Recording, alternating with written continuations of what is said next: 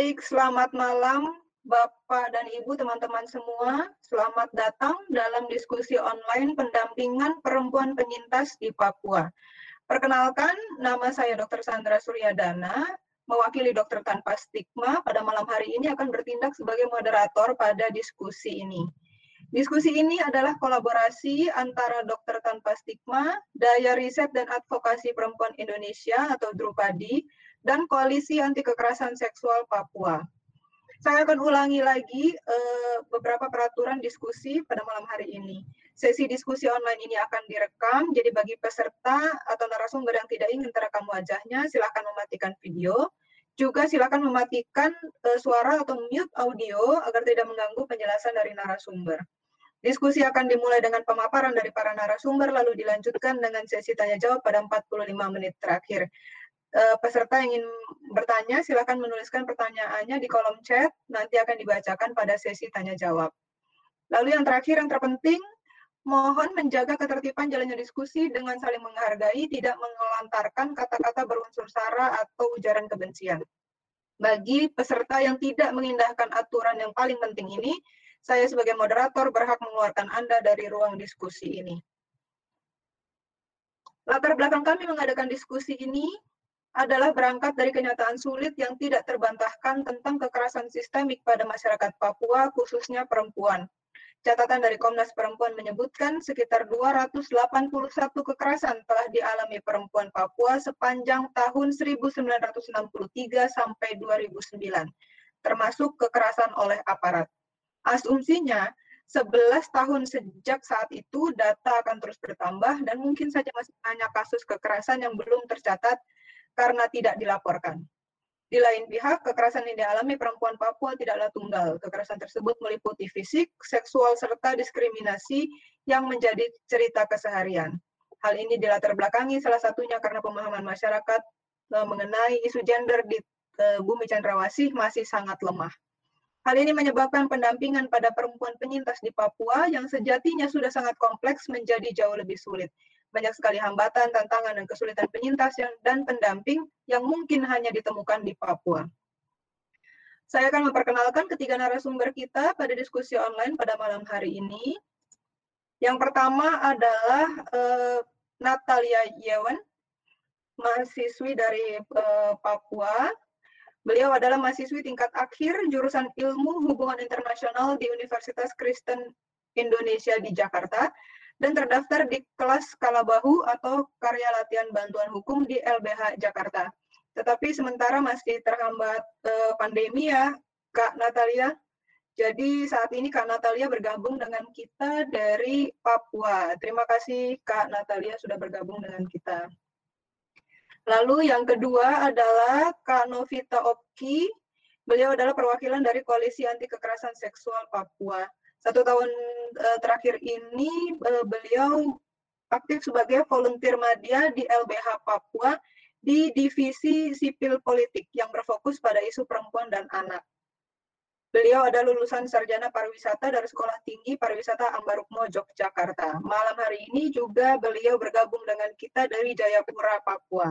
Selamat malam Kak Novita, selamat datang. Terima kasih sudah bergabung bersama kita. Lalu yang ketiga adalah uh, Kak Niluh Gusti Madewanti sebagai perwakilan dari Drupadi. Beliau adalah founder dari Drupadi. Drupadi sendiri adalah lembaga berbasis penelitian E, berbasis di Bandung yang mengutamakan kerja advokasi dan kampanye terkait akses perempuan terhadap hak-hak dasar perempuan dan kesejahteraan lahir batin diri perempuan termasuk perlindungan dan pendidikan anak. Drupadi telah aktif melakukan pendampingan dan advokasi perempuan sejak tahun 2013, juga riset dan edukasi isu perempuan di kampus, instansi pemerintahan, dan media sosial. Baik, kira-kira e, demikian perkenalan dan pengantar dari saya saya eh, langsung memberikan kesempatan kepada para narasumber kita.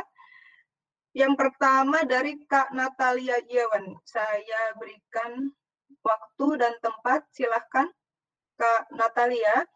Siap, Silahkan. dokter, siap. Oke, jadi saya tidak perlu ini ya, tidak perlu menyalakan kamera ya.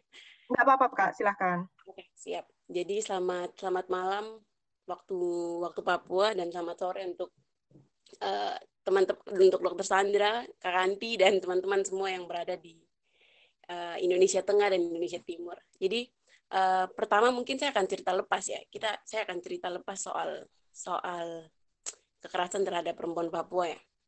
Jadi uh, kita bicara soal kekerasan terhadap perempuan Papua itu seperti yang tadi dokter bilang bahwa tidak tunggal. Ada begitu banyak bentuk kekerasan terhadap perempuan Papua. Misalnya kita bisa lihat dari berbagai faktor yang menjadi apa ya tolak ukur terhadap kekerasan terhadap perempuan Papua. Kita bisa lihat ada apa ya kekerasan secara langsung yang mana e, dalam bentuk klasik itu kita bisa lihat e, pembunuhan, penyiksaan, pemerkosaan dan lain sebagainya. Kita juga bisa lihat e, dalam bentuk verbal yang mana e, perempuan Papua mendapatkan diskriminasi secara langsung. Misalnya kalau kekerasan secara langsung yang berbentuk klasik kita bisa lihat mungkin sekarang saya tidak saya tidak tahu karena saya sebagai mahasiswa saya belum punya pengalaman langsung dalam mengadvokasi persoalan-persoalan perempuan tapi kita bisa lihat kita bisa uh, tarik memori kembali ke zaman-zaman misalnya tahun 98 ketika biak berdarah itu banyak perempuan yang disiksa banyak perempuan yang di diperkosa dan lain-lain. Namun tidak apa ya tidak ada upaya secara nyata atau tidak ada upaya rekonsiliasi dari pihak-pihak terkait untuk kemudian apa ya mendampingi atau menyembuhkan setiap luka batin yang dialami oleh perempuan. Karena e, kekerasan terhadap perempuan Papua ini juga terkait dengan kekerasan struktur e, kekerasan secara kultural yang sangat sangat erat terhadap perempuan Papua mungkin kalau misalnya ada perempuan Papua di sini kita harus mengakui bahwa e, kekerasan secara kultural untuk kita perempuan Papua itu sudah seperti kewajaran misalnya ketika saya diperkosa saya statusnya saya istri-istri orang, saya diperkosa, kemudian akan ada hukum-hukum norma dalam sosial yang harus saya tanggung. Misalnya suami saya akan menceraikan saya, atau saya akan diceritakan atau atau seperti itu. Kemudian kita bicara juga soal kekerasan secara struktural yang perempuan Papua alami. Mungkin saya bisa cerita sedikit soal soal kekerasan satu contoh paling mudah lah yang bisa kita kita pahami tentang kekerasan terhadap perempuan Papua. Misalnya Eh, kita di pasar kita melihat bahwa mama Papua tidak mendapatkan tempat yang layak begitu di di pasar. Mama Papua harus uh, hampir semua mama Papua itu jualan di bawah tanah dengan alasan tikar begitu. Nah, menurut saya pribadi ketika mungkin ini pemandangan yang yang yang lama buat saya bukan pemandangan baru, tapi ketika saya pergi kuliah saya kembali saya melihat fenomena seperti ini saya rasa bahwa ini salah ini adalah kekerasan struktural yang dilakukan oleh pemerintah. Pemerintah sengaja membiarkan hal ini terjadi terhadap perempuan Papua. Sedangkan kita tahu bahwa perempuan selalu punya, perempuan itu punya peran ganda dalam keluarga. Beberapa hari yang lalu, karena saya ke pasar, saya melihat seperti itu, saya berusaha untuk bertanya ke mama-mama. Saya bertanya soal uh, bagaimana menanggapi situasi pasar yang seperti ini. Terus kemudian ketika dari pasar dengan kondisi seperti ini tidak tidak ada toilet dan lain sebagainya dengan kondisi pasar seperti ini mama dia mulai bercerita bilang ya capek kalau dia misalnya mau ke toilet dia harus tahan kalau tidak itu ada laut dekat dia bisa pergi ke laut kalau tidak dia bisa numpang di tempat orang begitu kemudian dia terus saya bilang mama ketika capek begini pulang ke rumah bikin apa ya paling urus suami urus anak-anak oke okay. terus dia bilang paling masak dan lain sebagainya terus saya bilang setelah itu ya paling namanya juga suami istri. Saya bilang oke. Okay. Berarti kalau tidak, ya kalau tidak ya namanya kita orang Papua ya pasti menimbulkan masalah dalam keluarga. Misalnya suami bisa mencuri, bisa curiga dan kekerasan dalam rumah tangga menurut saya di Papua sangat sangat tinggi. Terus apalagi ya? Oh, mungkin uh, terkait dengan tema hari ini mungkin saya mau cerita soal saya punya kita kayak kita ada beberapa saya punya beberapa teman yang kita suka sharing soal uh, soal kekerasan cara teks, uh, kekerasan seksual ya secara verbal. Misalnya ada satu teman dia cerita soal dia ada omnya, om yang tidak jauh tapi dekat. Dia chat satu teman saya itu dan bilang meminta sesuatu yang yang aneh-aneh lah. Terus karena mereka keluarga, jadi si anak si teman saya ini tidak mau mengakui begitu, tidak bukan tidak mau mengakui, tidak mau menceritakan ke orang lain. Nah, terus ketika kita bertemu dan uh, kebetulan saya cerita ke dia, saya bilang, eh, saya pernah loh di di chat sama orang ini begini. Padahal dia itu punya jabatan begini-begini. Terus saya cerita, saya bilang kami kalau misalnya ke mall ketemu, maaf ya, maksudnya ketemu orang-orang tua, itu orang tua dari dari kami itu kayak mereka paksa mereka suka bilang ayo adik kita ke hotel sama-sama begitu begitu. Dan saya cerita ke dia ketika saya terbuka cerita ke dia dia langsung cerita ke saya cerita lepas. Dia bilang betul saya juga begini begini begini. Terus saya tanya dia kenapa tidak mau cerita ke keluarga dekat atau orang tua? Dia bilang saya takut nanti di di dimarah sama orang tua atau nanti disalahkan sama orang lain. Di apa namanya disalahkan sama orang lain. Langsung saya bilang saya bilang ke dia. Saya bilang e, di sini kau tidak kau tidak boleh menyerah kau tidak boleh menyerah, menyalahkan diri sendiri begitu. Karena di sini kau adalah korban. Ketika kau bicara ketika kau bilang ke orang lain itu meringankan uh, beban psikis yang yang kau alami. Apalagi misalnya kau keluar pasti kau ketemu omu yang memang adalah keluarga dekat. Kemudian kau pasti merasa apa ya waduh mungkin dunia ini seakan-akan gelap ya malu ya. Tapi tapi itu karena saya bilang ke dia kalau um, kita harus kita harus berani bicara begitu speak up begitu supaya hal-hal uh, yang terjadi kepada saya ini tidak apa ya saya cerita ke orang lain supaya jadi pelajaran buat perempuan lain begitu saya bilang ke dia. Supaya kelak uh, ketika perempuan yang lain mengalami mengalami hal yang sama dia akan dia tidak malu untuk bercerita lagi begitu dia akan cerita lepas soal kondisi uh, soal apa yang dia alami. Um, mungkin itu dulu KPK. Nanti kita lanjut dengan apa namanya diskusi tanya jawab dan lain-lain ya. Itu itu saja dulu dokter. Oke, terima kasih banyak atas sharingnya Kak Natalia. Uh, teman-teman silakan kalau ingin bertanya langsung di kolom chat ya. Nanti di akhir kita akan uh, berdiskusi saling tanya jawab. Baik, saya selanjutnya berikan kesempatan yang berikutnya ke Kak Novita. Kak Novita, saya beri waktu 20 menit ya untuk memberikan pemaparan. Apakah sudah siap, Kak Novita? Baik, saya langsung aja ya, Kak. Ya. Uh, ya. Terima kasih buat kakak-kakak dari Dokter Tanpa Stigma, kakak-kakak dari Drupadi juga yang sudah mengundang kami dari Koalisi Anti Kekerasan Seksual Papua. Uh, di sini saya akan menceritakan sedikit pengalaman dan juga eh, harapan-harapan uh, saya ya mungkin. Jadi yang pertama mungkin saya akan ceritakan pengalaman kekerasan yang dialami oleh saya sendiri sebenarnya banyak sekali kekerasan yang saya alami hampir setiap hari karena uh, konstruksi sosial yang mendukung kekerasan itu ilegal eh, itu legal untuk perempuan ya. Dan uh, kalau saya sendiri ada dua pengalaman kekerasan yang masih menjadi trauma besar dalam hidup saya dan itu sulit untuk dilupakan. Pertama uh, saat Wamena berdarah 6 Oktober tahun 2000 itu kejadian yang terjadi karena penurunan paksa bendera bintang kejora oleh uh, militer sehingga terjadi konflik antara masyarakat dan militer juga biasanya uh, membias ke masyarakat menyebar luas ke masyarakat yang orang asli Papua dan juga non orang asli Papua begitu. Uh, ada juga yang uncan berdarah itu kebetulan uh, dua-dua kejadian tersebut itu terjadi di dekat sekolah saya sehingga uh, saya bisa menyaksikan begitu di mana bunyi tembakan di mana ada uh, peluru-peluru nyasar yang bertabaran begitu. Uh, di sini saya cuma mau sampaikan bahwa memang saya tidak mengalami kekerasan secara fisik tetapi cukup dengan melihat dan uh, mendengar tindakan-tindakan yang tidak manusiawi itu dampaknya sangat panjang karena masih tetap ada sampai sekarang dan saya tidak membayangkan kalau waktu itu saya misalnya kena tembak atau bagaimana uh, trauma saya seperti apa begitu. Kemudian ada beberapa pengalaman pendampingan bagi penyintas.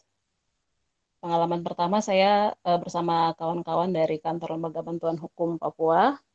Itu kami pernah mendampingi anak sekolah yang terancam tidak mengikuti ujian nasional karena hamil Uh, jadi ada kebijakan di sekolah tersebut, sebut saja sekolah X. Um, jadi ini kasusnya kami tangani bulan Maret kemarin. Anak tersebut diancam tidak mengikuti ujian karena kebetulan di sekolah ini uh, membuat beberapa syarat seperti tes narkoba dan juga tes kehamilan ini sebagai syarat untuk mengikuti ujian nasional. Nah, karena merasa malu dan juga mungkin karena takut juga si siswi ini sebelum melakukan tes itu dia sudah memutuskan untuk kabur dari sekolah dan tidak balik-balik lagi ke sekolah.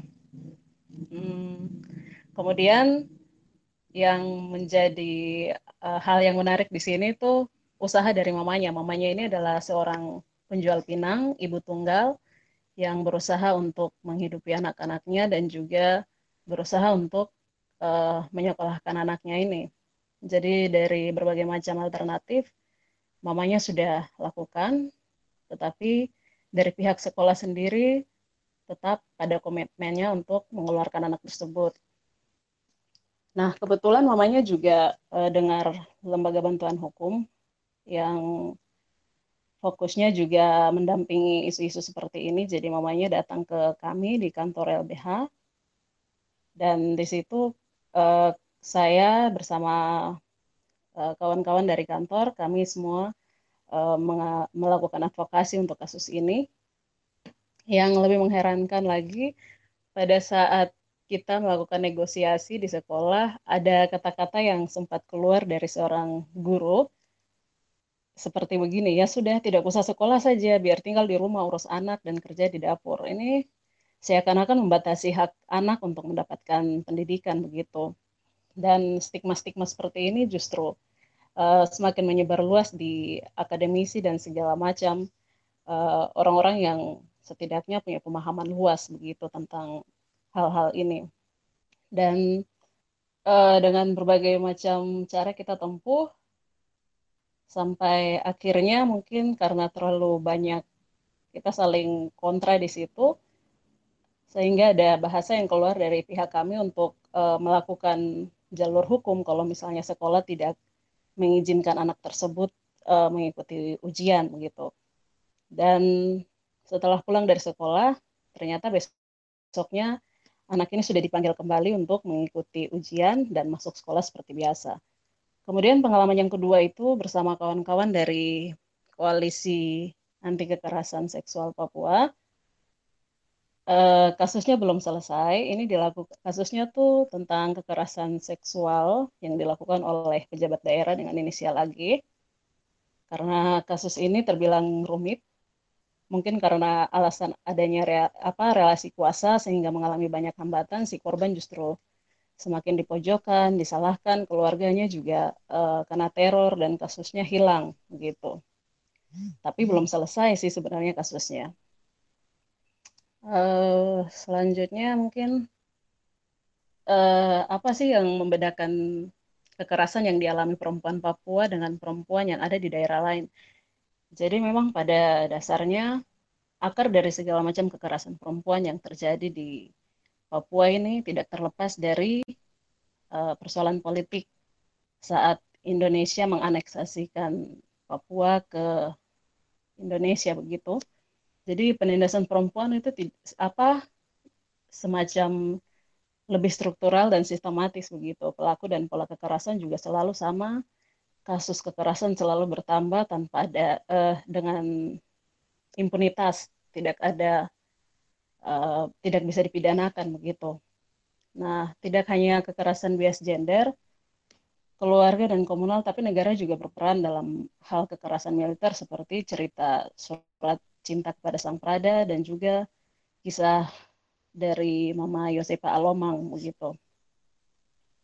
Uh, ini juga semakin uh, didukung dengan laporan Stop Sudah. Ini ada kesaksian dari beberapa perempuan Papua korban kekerasan dan pelanggaran HAM tahun 1963 sampai dengan 2009. Dan lanjutannya juga ada laporan seada di sini. Mungkin kawan-kawan yang mengikuti diskusi ini bisa uh, bisa menjadi refer referensi untuk jadi bahan bacaan begitu. Jadi laporan ini dilakukan oleh eh, dilakukan oleh kawan-kawan aktivis gereja, lembaga swadaya masyarakat dan akademisi yang memiliki keprihatinan kepada ketidakadilan yang dialami oleh perempuan Papua jadi uh, saya membagi tiga tipologi kekerasan ini sesuai dengan ada yang ada di laporan uh, stop sudah Yang pertama itu ada kekerasan yang didukung dan dilakukan oleh negara, karena dalam laporan tersebut ditemukan 138 orang perempuan mengalami bentuk kekerasan seksual, yaitu seperti perbudakan, perkosaan, perbudakan seksual, penyiksaan seksual, pemaksaan aborsi, eksploitasi seksual, serta percobaan pemerkosaan. Perempuan korban juga mengalami kekerasan non-seksual yaitu seperti pembunuhan, percobaan bunuh diri, penembakan, penyiksaan, penahanan sewenang-wenang, dan pengungsian. Uh, lalu dalam tipologi ini juga sejumlah perempuan juga menjadi korban karena sebagai eh, statusnya sebagai istri, sebagai ibu dan anak dan anak dari laki-laki atau suami yang menjadi sasaran kekerasan oleh negara. Kemudian yang kedua itu ada kekerasan dalam dalam keluarga. Nah, kalau di tipologi ini ditemukan sebanyak 93 orang perempuan mengalami bentuk kekerasan fisik, psikis, dan seksual dalam bentuk poligami atau selingkuh, penganiayaan, penelantaran ekonomi, perkosaan dalam perkawinan, kekerasan psikis dalam pembatasan ruang gerak, pemaksaan kawin, dan mungkin saya tambahkan sedikit di sini adalah pergeseran makna mas kawin yang dulunya uh, mas kawin adat itu dibayarkan uh, bukan dibayarkan maaf maksud saya diberikan sebagai simbol penghormatan dengan simbol-simbol adat namun sekarang uh, pemberian mas kawin itu telah diganti dengan uang sehingga ini menjadikan perempuan sebagai komoditas atau sebagai barang dalam keluarga jadi seakan-akan perempuan ada di dalam keluarga sebagai investasi begitu. Uh, kemudian yang ketiga ada kekerasan berlapis. Uh, dalam ini laporan ini setidaknya ada 14 orang perempuan yang menjadi kekera, uh, korban kekerasan berlapis, kekerasan yang dilakukan negara yang sangat dekat dengan kekerasan yang dilakukan oleh publik. Dan ditemukan juga 11 kasus 11 kasus kasus terhadap uh, perempuan yang terjadi dalam konteks perang suku eksploitasi sumber daya alam. Lalu ini juga bisa dikaitkan dengan uh, referensi dari buku Perempuan Papua Barat yang dituliskan oleh Meka Gobay. Pada saat aneksasi uh, banyak perempuan-perempuan hamil yang kemudian di belah perutnya, dikeluarkan janinnya, kemudian janinnya dibakar. Ada perempuan-perempuan yang kemudian diperkosa oleh militer secara tidak manusiawi, payudara sama alat kelaminnya diiris-iris, yang uh, kemudian menjadi itu menjadi trauma yang sangat-sangat berkepanjangan untuk kami sebagai perempuan Papua, yaitu seperti apa ya masa lalu yang sangat kelam begitu. Terus uh, mungkin saya langsung saja ke hambatan yang selama ini saya hadapi dalam pendampingan penyintas perempuan Papua yang pertama itu adalah karena korban mungkin merasa malu karena di stigma dari lingkungan sekitar akhirnya korban memberi stigma pada diri sendiri dan memilih menutup diri. Yang kedua ada intimidasi dari pelaku, kemudian eh, mediasi secara kekeluargaan ini menghambat proses hukum terhadap pelaku. Jadi ini sering sekali kami dapatkan di kantor kejadian seperti ini. Uh, ada pengaduan kasus tentang KDRT tetapi tiba-tiba beberapa hari ke depan kasusnya dicabut lagi karena mungkin uh, ketergantungan ekonomi dan segala macam. Terus yang terakhir ada relasi kuasa sehingga membuat korban tidak berdaya karena pelaku merupakan pihak yang memiliki kuasa dalam suatu relasi atau hubungan. Oke, mungkin begitu saja Kak Sandra. Oke, terima kasih Oke, banyak. Terima kasih banyak. Iya. Saya mute Saya Oke, uh, lalu yang terakhir saya beri kesempatan untuk Mbak Anti. Baik, dokter boleh dibantu untuk presentasi PowerPoint-nya. Saya akan singkat saja karena ternyata Kak Novita dan Natalia sudah sangat mengeksplor fakta-fakta di lapangan termasuk data, begitu ya. Uh, saya akan mencoba untuk merangkumnya dari pembelajaran yang pernah dilakukan oleh Drupadi, uh, termasuk juga um, meng-highlight lebih ke arah bagaimana proses pendampingan bagi penyintas kekerasan. Selamat malam semuanya, apa kabar? Uh, saya Madiwanti dari Drupadi Foundation Bandung. saat ini saya mewakili Drupadi bersama Dokter Tanpa Stigma mendorong terjadinya diskusi ini karena kita tahu bahwa mungkin sekitar sebulan atau dua bulan terakhir isu Papua terutama rasisme menjadi menguat dan yang kami tegaskan di sini adalah soal bagaimana perempuan Papua dalam hal ini adalah uh, mereka yang kondisinya masih belum tertangani atau bahkan belum banyak uh, terhighlight begitu. Nah, dokter karena uh, basic saya adalah konselor dan saya penyintas kekerasan. Tadi kami sudah mendengar dari Natalia dan Kak Novita yang mereka hari-harinya mendampingi perempuan Papua yang menerima kekerasan begitu ya dan berproses dari korban menjadi penyintas. Dilihat di sini bahwa tadi disebutkan tingkat kekerasan yang terjadi di Papua itu dasarnya adalah soal relasi kuasa. Selama ini uh, kita semua bahkan orang non Papua melihat uh, konteks di Papua itu dari kacamata bukan Papua. Jadi kita harus melihat uh, konteksnya melalui kacamata analisa orang Papua. Kebetulan basic saya adalah antropolog, jadi saya uh, mengedepankan soal etik dan emik dan perlu menganalisa soal relasi kuasa dan memahami adanya kontrol sosial yang menjadi sebab akibat kekerasan tersebut. Tadi Natalia sudah menyebutkan ada kekerasan struktural, juga ada kekerasan yang sifatnya uh, di relasi antar individu atau di dalam lingkup keluarga yang kita sebut sebagai ranah privat. Nah, kekerasan ini dimulai dari relasi kuasa yang timpang, yang memaksa dan mengancam. Kak Natalia tadi data-datanya sudah sangat jelas menyebutkan bahwa kekerasan yang terjadi uh, utamanya adalah adanya pembiaran, kemudian struktur uh, kuasa yang uh, mendominasi dari uh, apa namanya konteks politik juga disebutkan. Nah, ada pihak yang diposisikan lebih berkuasa di sini terhadap pihak yang dianggap lemah. Perempuan Papua selalu mendapat subordinat posisi yang lemah, bahkan mereka uh, dalam upaya uh, uh, mengambil kembali hak-haknya atau menerima pemulihan pun sampai hari ini masih terhambat bentuknya itu bisa sangat nyata. Misalnya yang paling ringan itu adalah ancaman atau intimidasi. Yang paling berat misalnya ada penganiayaan sampai pembunuhan. Tadi Kak Novita sudah menyampaikan uh, ada tragedi-tragedi di Papua yang sampai sekarang kasusnya begitu ya dibiarkan atau uh, pelaku-pelakunya uh, menjadi impunitas gitu ya tidak dipidanakan atau tidak mengalami proses hukum. Nah, tapi perlu juga diketahui bahwa bentuk-bentuk kekerasan terhadap uh, perempuan di Papua itu juga tidak hanya uh, sifatnya langsung, tapi ada juga yang sangat halus dan subtil.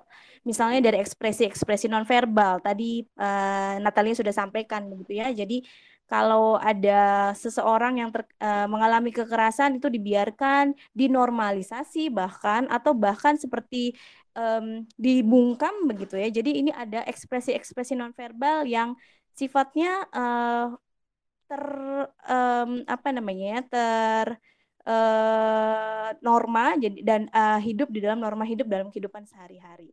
Nah, nilai-nilai semacam ini tuh masih diyakini dalam pola relasi sehari-hari. Kalau misalkan di ranah uh, privat dan domestik tadi sudah disebutkan bahwa dalam kasus kekerasan terhadap perempuan, perempuan itu mengalami kekerasan uh, dan posisinya lebih sulit karena tadi sudah disebutkan dia mengalami berbagai stigma yang dikaitkan dengan nilai-nilai sosial uh, apalagi jika di uh, Papua sendiri kita tahu bahwa struktur uh, aparat penegak hukum yang mungkin bukan dari Papua, jadi melihat uh, dan belum mempertimbangkan soal konteks uh, orang Papua sendiri dan uh, orang Papua masih sering mengalami diskriminasi dan rasisme.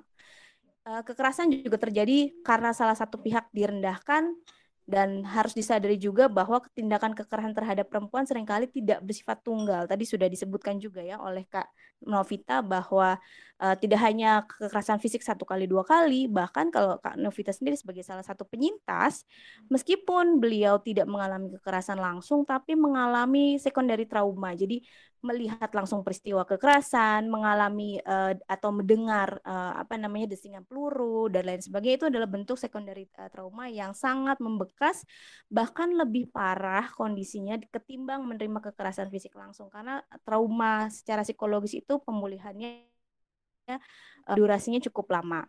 Dan bisa juga uh, kekerasan ini terjadi secara kontinuum, artinya perempuan korban kekerasan dapat mengalami semua bentuk kekerasan baik secara fisik, psikis, seksual dan bentuk pembebasan pembebanan ekonomi lainnya yang kesemuanya saling kait satu sama lain. Selain itu terjadinya pembunuhan yang berakhir dengan kematian pada perempuan korban merupakan efek dari kekerasan fisik dan psikis. Ini yang bisa saya sampaikan. Di slide berikutnya kita lihat bahwa uh, di kami bagi, se, sebagai korban dan kemudian uh, berproses menjadi penyintas gitu ya.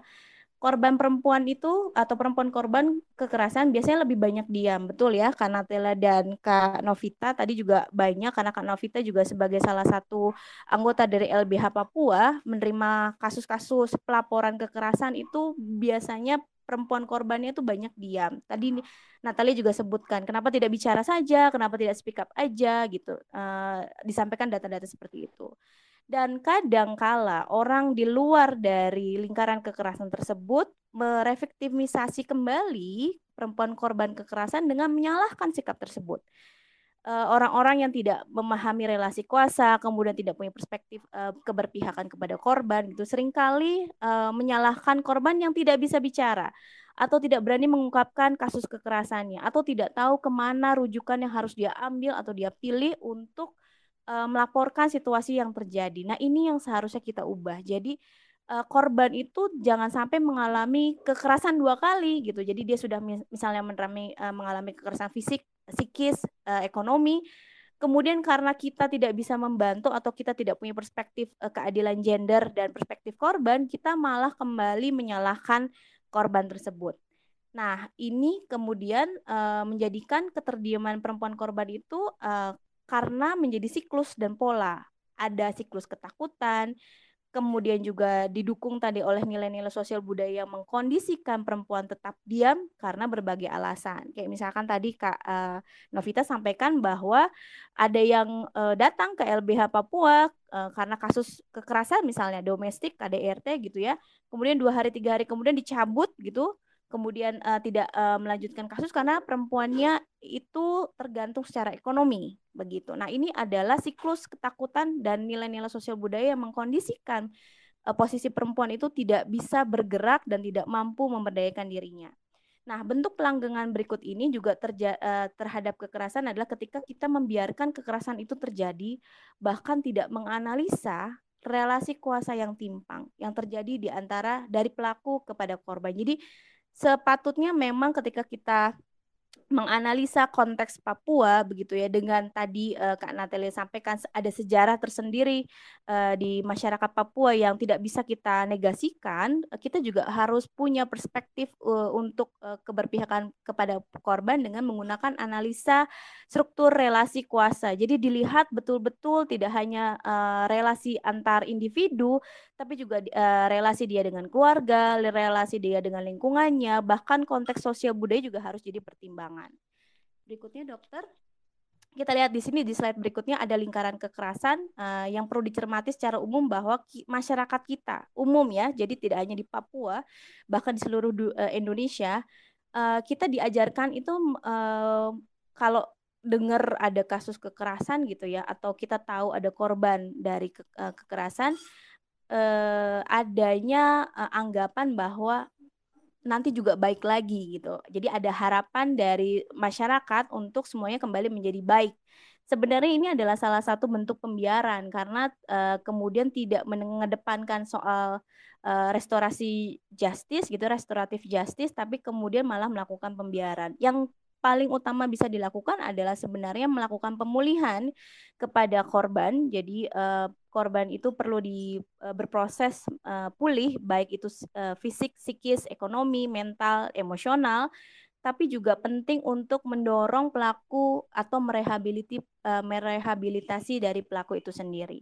Yang kedua adalah uh, yang terjadi pada perempuan korban kekerasan bahwa banyak sekali anggapan tadi kalau misalkan kasus yang ditangani oleh Kak Novita uh, kayaknya sekedar kilaf gitu ya. Jadi kalau misalnya tadi Kak Novita menangani korban gitu ya, yang tadi uh, tingkatnya adalah tingkat uh, apa namanya uh, di ranah domestik, kemudian si korban mencabut karena dianggap pelaku kekerasan itu kilaf. Nah, ini penting untuk dianalisa karena pada kenyataannya keyakinan bahwa semua akan baik-baik saja itu merupakan dari bagian dari siklus kekerasan yang mempola. Jadi ini nggak akan bisa mm, lepas karena ini jadi bagian dari lingkaran kekerasan di mana relasi yang ada diwarnai oleh kontrol dan kekuasaan. Kalau sifatnya itu personal atau di ranah domestik atau privat.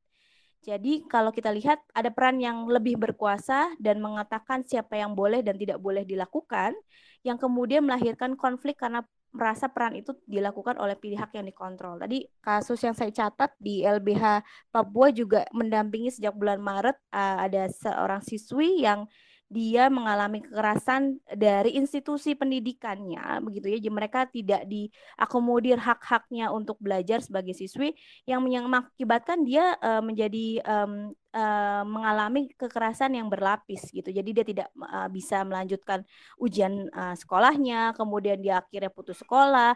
Dia juga uh, tidak mendapatkan pemulihan secara fisik dan psikis begitu ya. Dan ini uh, akhirnya berpola Nah, konflik yang ada akan semakin kuat dan terkontrol jika diperket, uh, jika kemudian uh, ujungnya adalah bentuknya kekerasan, baik itu fisik, stigma, uh, verbal, kemudian ada diskriminasi dan lain sebagainya. Nah, kita perlu ketahui bahwa penyesalan yang terjadi kalau misalnya kekerasannya adalah di lingkaran uh, domestik atau hubungan personal uh, yang muncul dari pelaku dalam hal ini uh, membuat kesadaran palsu dari korban dan uh, menganggap bahwa si pelaku ini hanya kilaf gitu. Dan perempuan korban yang terbiasa diajarkan untuk bersabar, biasanya kayak gitu ya. Jadi kalau misalkan norma-norma dan budaya patriarki yang ada, tidak hanya di Papua, jadi menuntut perempuan itu untuk sudah sabar aja, nggak usah di apa namanya uh, tindak lanjuti, diam aja, terima nasib dan lain sebagainya. Ini sebenarnya sudah uh, bentuk dari pembiaran dan kekerasan itu sendiri. Slide berikutnya, dokter. Nah, kita masuk pada konteks kekerasan di Papua. Tadi sudah disebutkan ya, uh, secara umum memang perempuan selalu menjadi subordinat gitu ya. Dan kita tahu akar persoalan kekerasan di Papua karena perempuan mengalami kekerasan berlapis. Jadi tidak hanya tunggal, tidak hanya kekerasan domestik, tidak hanya kekerasan personal, tapi kekerasan uh, di yang dilakukan oleh aparat keamanan di masa konflik. Tadi Kak Novita sudah sampaikan, kekerasan yang dialami di dalam rumah tangga, juga kekerasan dialami dalam komunitas adat mereka. Tadi uh, Kak Novita sampaikan soal uh, mahar atau mas kawin ya. Jadi mahar atau mas kawin yang selama ini budaya di Papua uh, sebagai bentuk salah satu penghormatan terhadap posisi perempuan ketika mereka menikah karena kemudian bergeser nilai-nilainya uh, budayanya kemudian maharnya menjadi hanya uang. Akhirnya perempuan dijadikan komoditas dibeli dalam tanda kutip dengan mahar yang ada.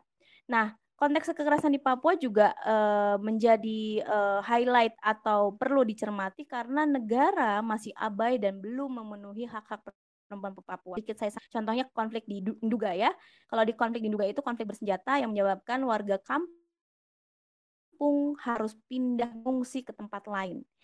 Dan sebagian besar korbannya itu perempuan dan anak. Bisa bayangkan satu wilayah kampung di Papua itu mengalami kerusuhan dan e, mayoritas yang mengungsi dan jadi korban adalah perempuan dan anak. Nah, selama proses pengungsian itu karena tadi ya adanya pembiaran atau by omission uh, dari negara, jadi negara tidak melakukan uh, proses uh, pendampingan atau uh, pemenuhan hak-hak perempuan dan anak, banyak yang meninggal. Jadi ada anak yang atau perempuan yang meninggal karena sakit, kemudian juga ada anak-anak yang tidak bisa bersekolah dengan layak dan uh, yang terakhir konflik uh, perempuan di Papua masih uh, belum berhenti dan belum jadi fokus utama. Jadi selama ini kita kemudian abai dengan kondisi uh, perempuan Papua yang mengalami kekerasan karena kita melihat dari konteks sosial dan politiknya. Kalau misalkan uh, mau turun lebih ke akar rumput, perempuan itu mengalami tadi ya kekerasan berlapis. Nah, satu hal yang paling penting dan yang luput oleh pemerintah kita adalah program trauma healing bagi para perempuan dalam konflik itu belum uh, dipenuhi. Padahal uh, menurut uh, data dari uh, jaringan damai Papua, perempuan di Papua juga dihadapkan pada pada masalah aturan adat. Berikutnya, Dok. Ini saya sampaikan data Komnas Perempuan, saya ambil dari data Komnas Perempuan. Komnas Perempuan menyebutkan bahwa ada 21 orang korban jiwa meninggal akibat kerusuhan yang terjadi di Wamena pada 23 September 2019, jadi tahun lalu, belum lama, dan empat orang korban jiwa akibat kerusuhan kerusuhan di Jayapura. Nah, korban sejumlah kasus ini, eh, ini termasuk juga kerusuhan di Surabaya, Manokwari, dan Jayapura berada di daerah Papua yang terjadi pertengahan antara Agustus sampai awal September 2019 dan ini menyebabkan kalau tadi Kak Novita sampaikan uh, dirasakan traumanya uh, dan belum sem, uh, sepenuhnya stabil uh, dan terjadi kekerasan lagi pada tanggal 23 September dan terutama di Wamena sampai merenggut puluhan korban jiwa. Nah, ini belum ada tindak lanjutnya sampai sekarang. Data uh, dari Komnas Perempuan juga menyebutkan bahwa pemerintah atau negara sudah uh, mempunyai niatan yang cukup baik gitu ya, mencoba melakukan sejumlah hal untuk membangun Papua.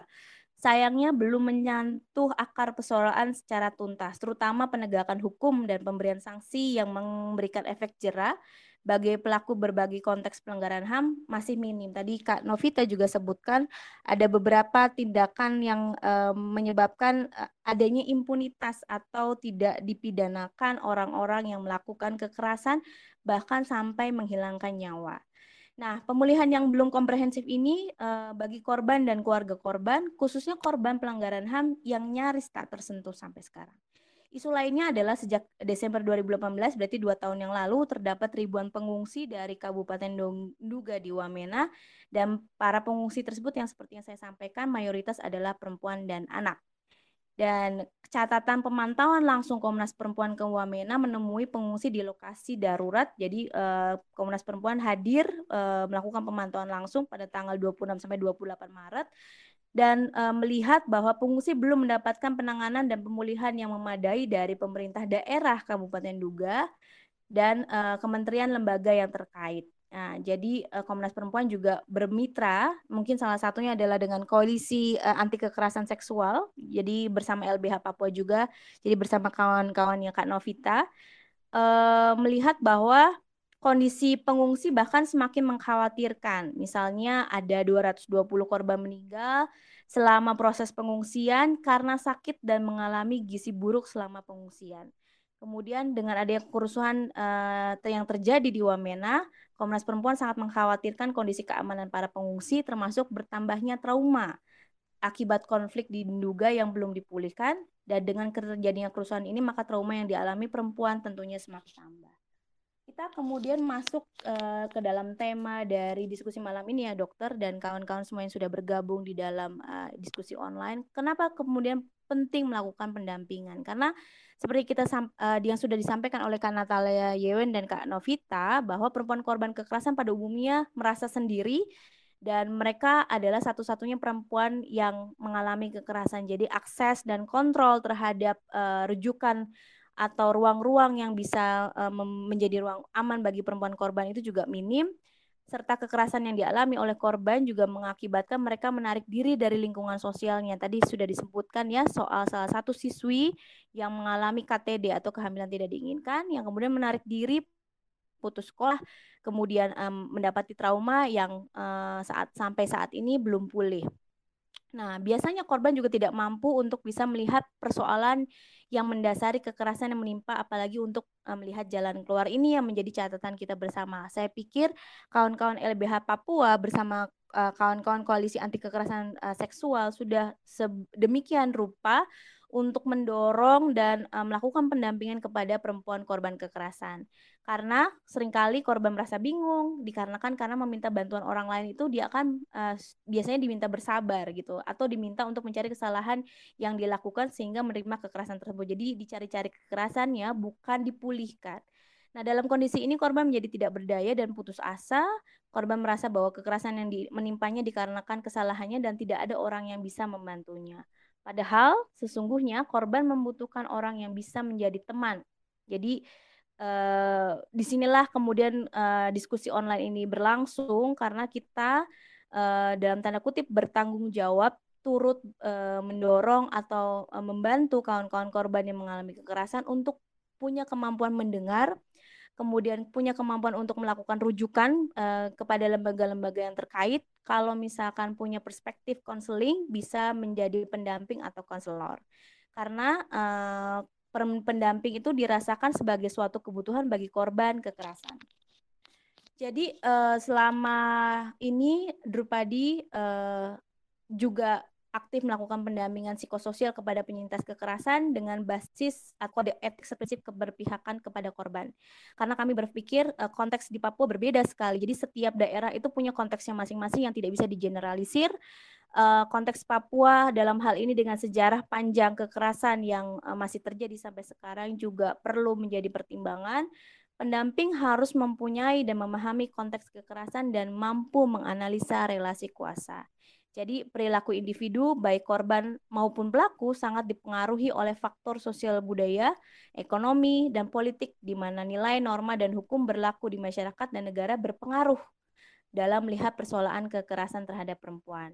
Dan inilah yang menyebabkan perempuan korban itu tidak hanya memerlukan penanganan medis, jadi tidak hanya disembuhkan luka-luka fisiknya, tapi juga penanganan hukum untuk mencari keadilan bahkan juga pendampingan psikososial. Ini yang paling penting seperti Kak Novita, meskipun sekarang sudah berproses menjadi salah satu anggota dari LBH Papua, tapi ternyata masih ada trauma-trauma yang uh, hidup di dalam kehidupannya. Inilah yang kemudian disebut sebagai uh, dorongan untuk uh, bisa pulih secara psikososial. Nah, ini yang bisa disampaikan uh, dan saya yakin kawan-kawan di Papua terutama Kak Novita yang tergabung dalam koalisi anti kekerasan seksual sudah uh, mengedepankan prinsip pendampingan ini. Ada empat, yang utama adalah prinsip keberpihakan terhadap korban, jadi tidak boleh menyalahkan korban kembali dan bukan berarti membenarkan korban, tapi pemahamannya adalah pendampingan yang kompleks ini uh, harus juga menganalisa secara interpersonal maupun sosial yang berkaitan dengan kekerasan yang terjadi. Jadi kalau kawan-kawan yang melakukan pendampingan misalnya dalam konteks Papua juga harus bisa menganalisa soal sejarah, soal konteks budaya yang berada di sana, soal hukum adat dan lain sebagainya. Yang kedua adalah prinsip tidak menyalahkan korban untuk menghindari pendamping melihat korban sebagai pihak yang ikut andil atas kekerasan yang dialaminya yang ketiga adalah prinsip pemberdayaan korban supaya korban mampu membuat keputusan yang uh, mandiri karena kita berbasisnya nanti saya akan sebutkan uh, informed consent untuk bisa melepaskan ketergantungan dalam bentuk apa pun kepada orang atau pihak lain. Yang terakhir adalah penyadaran keadilan gender. Prinsip ini korban diajak untuk melihat kekerasan sebagai bentuk persoalan sosial dan bukan persoalan individu semata. Kalau dilihat tadi Lia juga sudah sampaikan ada berbagai macam uh, lapisan uh, kekerasan baik itu di ranah individu personal gitu ya hubungannya baik di ranah privat dan domestik bahkan secara uh, lebih besar lagi di kekerasan secara struktural. Ini adalah prinsip atau kode etik pendampingan yang kami lakukan di Drupadi. Yang utama adalah berbasis informed consent. Ini yang selalu dikedepankan, membuat korban mampu memahami persoalan mampu menganalisa uh, konteks uh, bahkan termasuk hukum adat atau uh, soal sejarah uh, yang terjadi di Papua karena persoalan yang dialami itu uh, kekerasannya pasti multidimensional. Yang kedua, membantu korban mencari atau mengambil keputusan terbaik bagi dirinya dalam mengatasi masalah sekarang. Jadi tidak boleh pendamping atau orang-orang yang berada di lingkaran satunya yang kemudian memberi, uh, membuat keputusan tapi harus korban sendiri dengan cara tadi ya uh, memberikan informasi atau inform uh, bagi korban agar mereka lebih berdaya. Yang ketiga adalah membantu korban mencegah dan menghadapi masalah di masa mendatang, uh, termasuk juga uh, bagaimana caranya supaya korban tidak lagi mengalami trauma-trauma berikutnya termasuk secondary trauma. Jadi trauma-trauma yang timbul atau post traumatic uh, disorder karena pemulihannya belum secara komprehensif terjadi. Yang terakhir membantu korban menemukan dan menggunakan potensi-potensi dirinya seperti Kak Novita dan Natalia di sini meskipun uh, tidak mengalami kekerasan fisik secara langsung tapi ada uh, apa ya semacam uh, sejarah uh, dan pengalaman melihat mendengar begitu ya ke, bentuk-bentuk kekerasan uh, dan itu terinternalisasi dalam kehidupannya uh, sendiri. Dan ini yang kemudian menjadi tolok ukur gitu ya atau titik balik uh, kawan-kawan yang hebat ini menjadi pendamping-pendamping perempuan korban di Papua. Jadi mereka menggunakan potensi-potensinya karena mereka orang Papua uh, asli begitu ya Kak uh, Natalia dan Kak Novina, Novita adalah orang-orang yang punya hak begitu ya untuk menyuarakan uh, nasib atau konteks-konteks yang terjadi di Papua. Dan dari sinilah kemudian uh, kode etik pendampingan atau konseling itu mendorong korban. Jadi sebutannya tidak lagi jadi korban, tapi sebagai penyintas. Jadi penyintas itu berproses menjadi berdaya. Penyintas itu perlahan pulih, mulai berdaya dan mampu mendefinisikan masalah, termasuk tadi menganalisa relasi kuasa, termasuk menganalisa lebih luas lagi soal multidimensional konteks sosial budaya politik di Papua misalnya. Yang kedua, penyintas mampu mengeksplorasi dan mengidentifikasi kebutuhan atau perubahan, persepsi baru, pengembangan pemahaman, termasuk kejadian-kejadian baru yang berkaitan dengan uh, hukum misalnya, atau kebijakan yang terjadi untuk proses pemulihan atau penanganan uh, konflik di Papua. Yang ketiga, penyintas mampu mengembangkan tujuan yang meliputi mengembangkan alternatif, rencana, dan partisipasi yang aktif. Nah, uh, koalisi anti kekerasan seksual di Papua adalah bentuk dari proses kolektif begitu ya tujuan uh, dan uh, rencana-rencana serta partisipasi yang aktif. Yang keempat, pendamping melakukan intervensi berbasis empati dan keberpihakan kepada penyintas meliputi monitoring, evaluasi perkembangan, mensupport perilaku untuk menolong diri sendiri, yang sampai akhirnya memikirkan alternatif solusi pada situasi-situasi sulit. Jadi jangan sampai uh, ketika terjadi lagi tendensi ada konflik begitu ya, kemudian akan melibatkan perempuan. Jadi perempuan-perempuan yang telah mengalami pengalaman kekerasan bisa uh, memberikan uh, rencana atau uh, semacam uh, proses-proses penjagaan supaya perempuan di sana tidak lagi mengalami kekerasan yang berlapis. Yang terakhir, pendamping melakukan refleksi atau proses pendampingan dan evaluasi ini paling penting karena sebenarnya eh, pendamping itu bukan superhero begitu ya. Jadi pendamping ini juga manusia biasa yang eh, dia itu prosesnya eh, maju mundur begitu. Nah, perlu melakukan evaluasi evaluasi atas intervensi yang uh, termasuk juga rencana masa depan dan termasuk juga evaluasi kemandirian atau penyapihan dari penyintas itu sendiri. Dan uh, ini adalah desakan uh, menurut kami yang saya ambil dari uh, data Komnas Perempuan. Jadi ada beberapa hal yang didesak, terutama uh, keterlibatan negara dalam hal ini adalah pemerintahan daerah di Papua dan Papua Barat, termasuk Kementerian Kesehatan, Kementerian Sosial, untuk segera menangani dan memulihkan semua korban kerusuhan di Wamena, Jayapura, Manokwari, dan semua daerah yang terjadi kerusuhan di Papua dan Papua Barat termasuk penanganan dan pemulihan yang komprehensif bagi pengungsi. Terutama kita harus melihat proses-prosesnya uh, perlu uh, berpihak kepada perempuan dan anak. Jadi tindakan-tindakannya perlu mempertimbangkan uh, posisi perempuan korban di Papua. Yang kedua, uh, Mbak Andi, mohon maaf, ya, waktunya ya. menit lagi ya. Boleh. Yang kedua dan ke, uh, poin-poin terakhir itu adalah stakeholder-stakeholder kunci yang perlu dilibatkan dalam proses uh, kekerasan uh, yang menimpa perempuan dan paling uh, baik adalah yang terakhir agar semua pihak menahan diri, kritis dan tidak menyampaikan informasi bohong atau hoax serta menghindari tindakan-tindakan yang provokatif. Nah, dokter, ini adalah desakan yang uh, disampaikan Salah satunya adalah dari Komnas Perempuan untuk pemulihan penyintas di dan uh, penyintas kekerasan di Papua. Kira-kira itu yang bisa saya sampaikan, Dokter. Kita akan lebih menarik jika ada diskusi dan tanya jawab. Terima kasih. Baik, terima kasih Mbak Anti atas pemaparannya. Saya izin mute dulu ya. Oke, teman-teman, sekarang kita sudah memasuki uh, diskusi tanya jawab ya. Sudah ada beberapa pertanyaan yang masuk saya akan bacakan eh, seperti tadi saya sebutkan bahwa pertanyaan akan saya bacakan secara anonim. Pertanyaan yang pertama ini mungkin spesifik ditujukan kepada Kak Natalia, tetapi mungkin uh, narasumber yang lain boleh menambahkan ya. Jadi ada beberapa pertanyaan yang saya sudah rangkum. Ini pertanyaan terkait dengan faktor budaya di Papua. Saya akan gabungkan pertanyaannya, silakan supaya nanti sekalian dijawab ya. Jadi Kak Natalia tadi mengatakan ada faktor budaya yang mengkonstruksikan kekerasan terhadap perempuan. Padahal ada juga budaya yang sebetulnya menjunjung tinggi penghormatan terhadap perempuan, misalnya dari suku Momuna.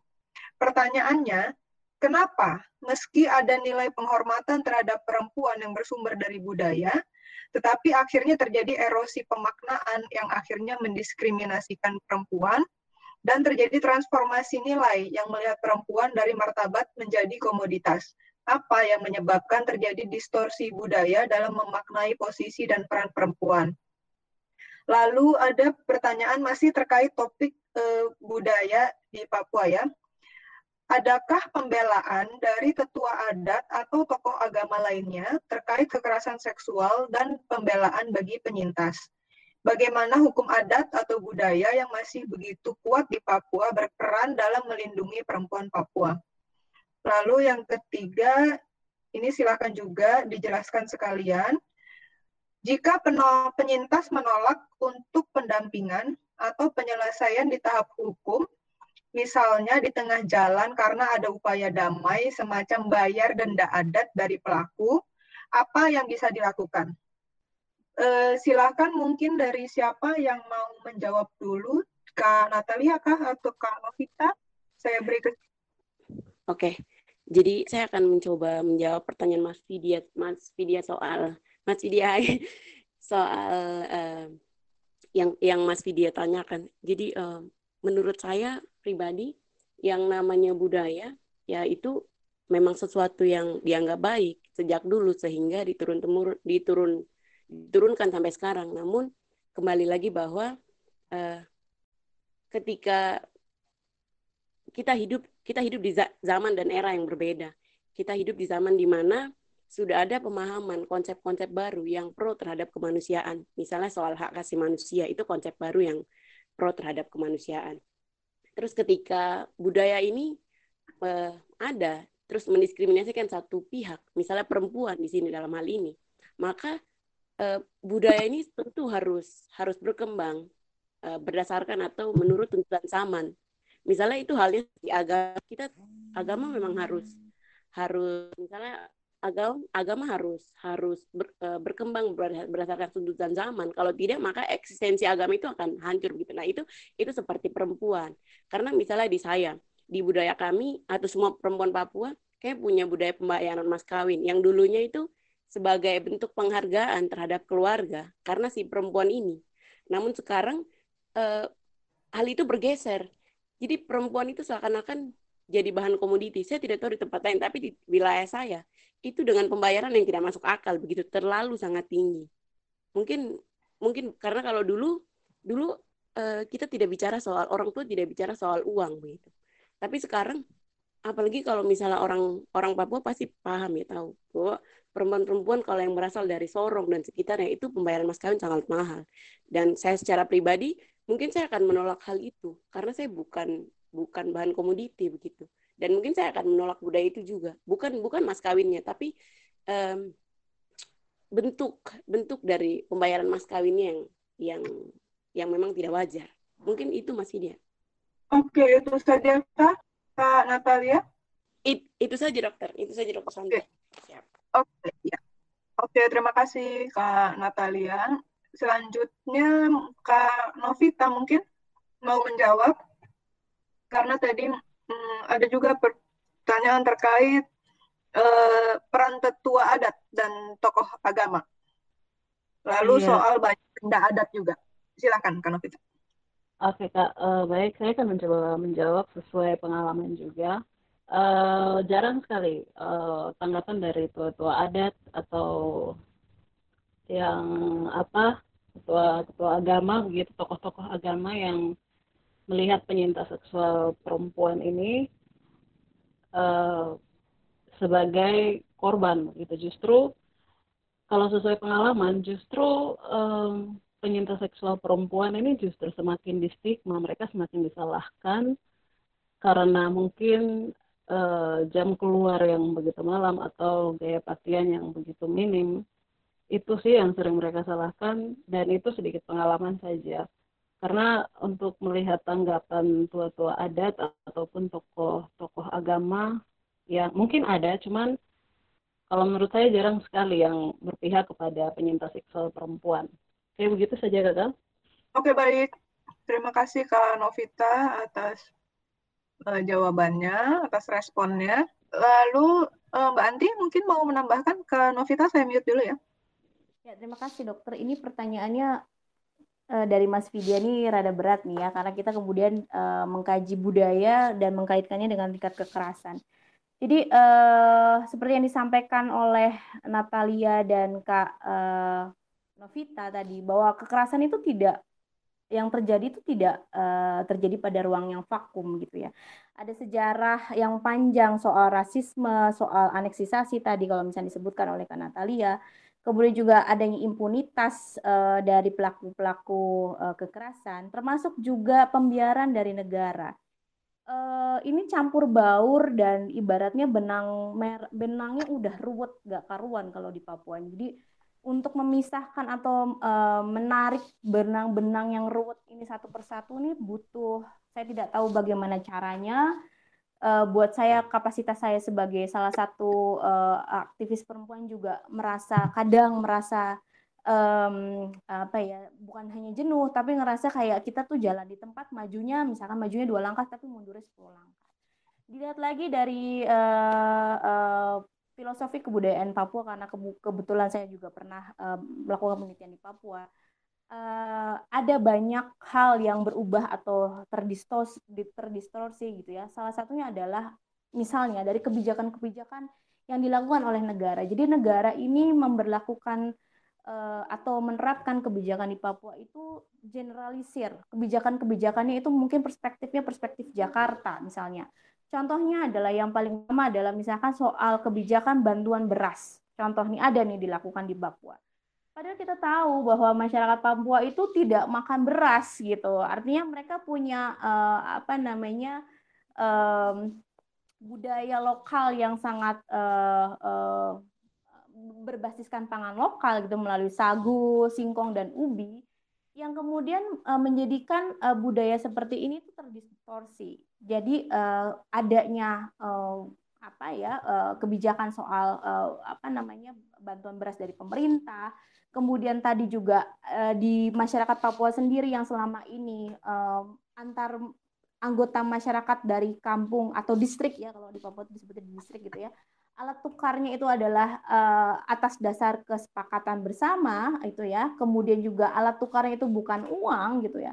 Dari kebijakan ini kemudian masuklah memang alat tukar nilai rupiah di Papua. Tapi ini yang pelan-pelan sebenarnya menghilangkan rasa saling penghormatan itu sendiri jadi ada beberapa nilai yang bergeser bahkan uh, kalau kita ketahui mungkin sekarang mungkin sudah jauh lebih baik kondisinya. Kalau dulu harga waktu saya masih eh, penelitian di Papua satu satu gorengan tahu tuh harganya bisa sampai sepuluh ribu gitu satu gorengan tahu saja. Dan uh, saya tidak tahu sekarang saya saya, saya tidak uh, kembali ke Papua dalam waktu dekat ini, tapi yang saya tahu bahwa harga-harga sudah kembali sama rata gitu antara Papua dengan di luar Papua. Tapi ini yang di satu sisi baik, tapi di sisi lain kemudian uh, melemahkan nilai atau mengurangi nilai-nilai itu sendiri yang akhirnya tadi ya bayangkan kalau misalkan mahar uh, sebuah keluarga atau perempuan yang menikah di sana itu biasanya dibawain babi, kemudian uh, mungkin Natalia bisa cerita lebih lanjut ini atau Kak uh, Novi bisa uh, cerita lebih lanjut karena saya sempat ikut uh, apa namanya pernik uh, upacara pernikahan di sana yang masih tradisional.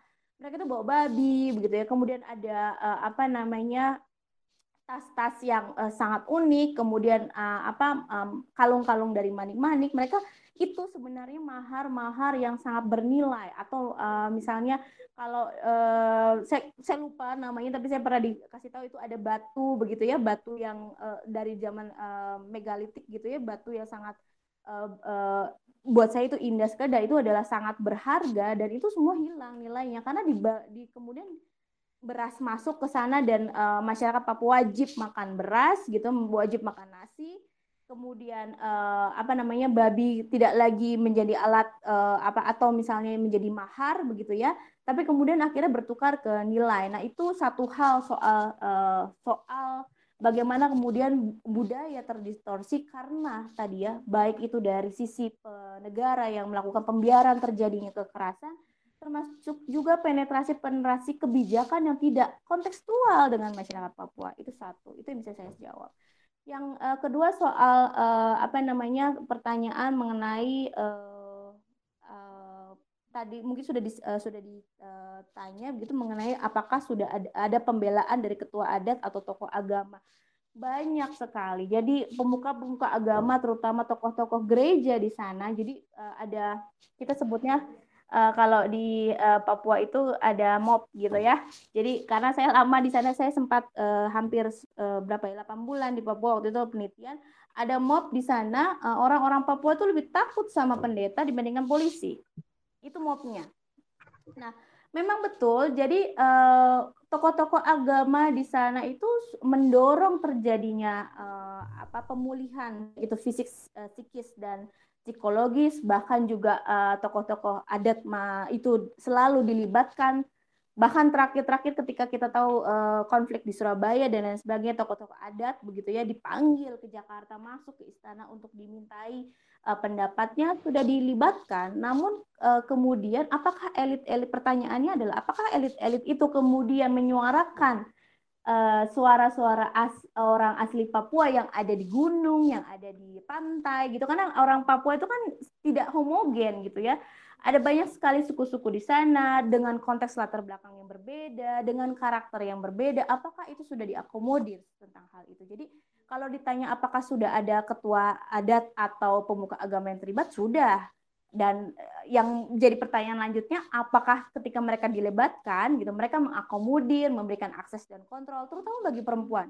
Jadi yang dipanggil ini kayaknya ketua adat kedua adatnya laki-laki semua kalau saya pikir. Itu satu. Yang kedua mungkin juga uh, kalau kita sering lihat saya sering lihat waktu beberapa waktu lalu kerusuhan uh, Papua uh, atau isu Papua marak gitu yang isinya tuh laki-laki semua panelisnya panelisnya tuh laki-laki semua. Perempuan ke mana gitu. Jadi ini yang menjadi sorotan bagi Drupadi untuk memberikan jadi giving the voices for the of the voiceless for the voiceless gitu. Jadi nggak cuma uh, memberikan uh, suara kepada um, uh, atau mereka yang terkena kekerasan tapi for the voiceless jangan lupa terutama perempuan Papua saya kira itu dokter yang bisa saya sampaikan Baik, terima kasih Mbak Anti atas uh, penjelasannya. Kita lanjut ke pertanyaan berikutnya ya. Pertanyaan berikutnya ini berkaitan dengan impunitas. Ini uh, impunitas tadi beberapa kali disebutkan oleh uh, Mbak Novita, Mbak Anti juga. Saya mau tanya tentang impunitas. Mengapa impunitas sering terjadi pada korban-korban kekerasan dengan layer-layer kekerasan yang banyak di daerah konflik? Apakah memang tidak ada jalan lain untuk mendapatkan keadilan ketimbang impunitas, seperti peristiwa berdarah-berdarah sejak negara berdiri hingga adanya reformasi? Saya berikan kesempatan dulu untuk ke Natalia. Oke. Okay. Ya. Iya, siap dokter. Jadi bicara soal impunitas ini mungkin ke apa ya yang tadi Kak Novi sudah jelaskan banyak sekali ya. Misalnya salah satunya adalah budaya. Di sini kita bicara soal pimpinan apa tua-tua adat dan lain sebagainya ini didominasi oleh laki-laki. Terus kami kita di kita bukan hanya mungkin bukan hanya di Papua ya, tapi di tempat lain juga mengalami hal yang sama ya. Misalnya saya keluar tadi kan Novi sudah sudah singgung juga. Misalnya saya keluar berpakaian pendek begitu. Terus ketika saya di dilecehkan di luar secara verbal misalnya di dipanggil panggil atau apa itu saya yang disalahkan bukan si si pelaku itu tapi saya yang disalahkan. Mungkin itu lebih ke apa ya norma sosial atau apa ya mungkin kurang kurang pemahaman atau kurang banyak literasi. Mungkin seperti itu Mungkin kakak Kanovi lebih lebih paham karena berpengalaman secara langsung di lapangan ya. Mungkin itu. Oke, Kak Natalia, sebentar saya cek dulu kelihatannya tadi Kak Novita left dari diskusi ini mungkin masalah sinyal ya. Uh, kita next dulu ke pertanyaan uh, berikutnya aja. Kalau boleh, Kak Natalia jangan mute dulu supaya sekalian langsung uh, menjawab ya. Jadi pertanyaan berikutnya ini adalah tentang edukasi.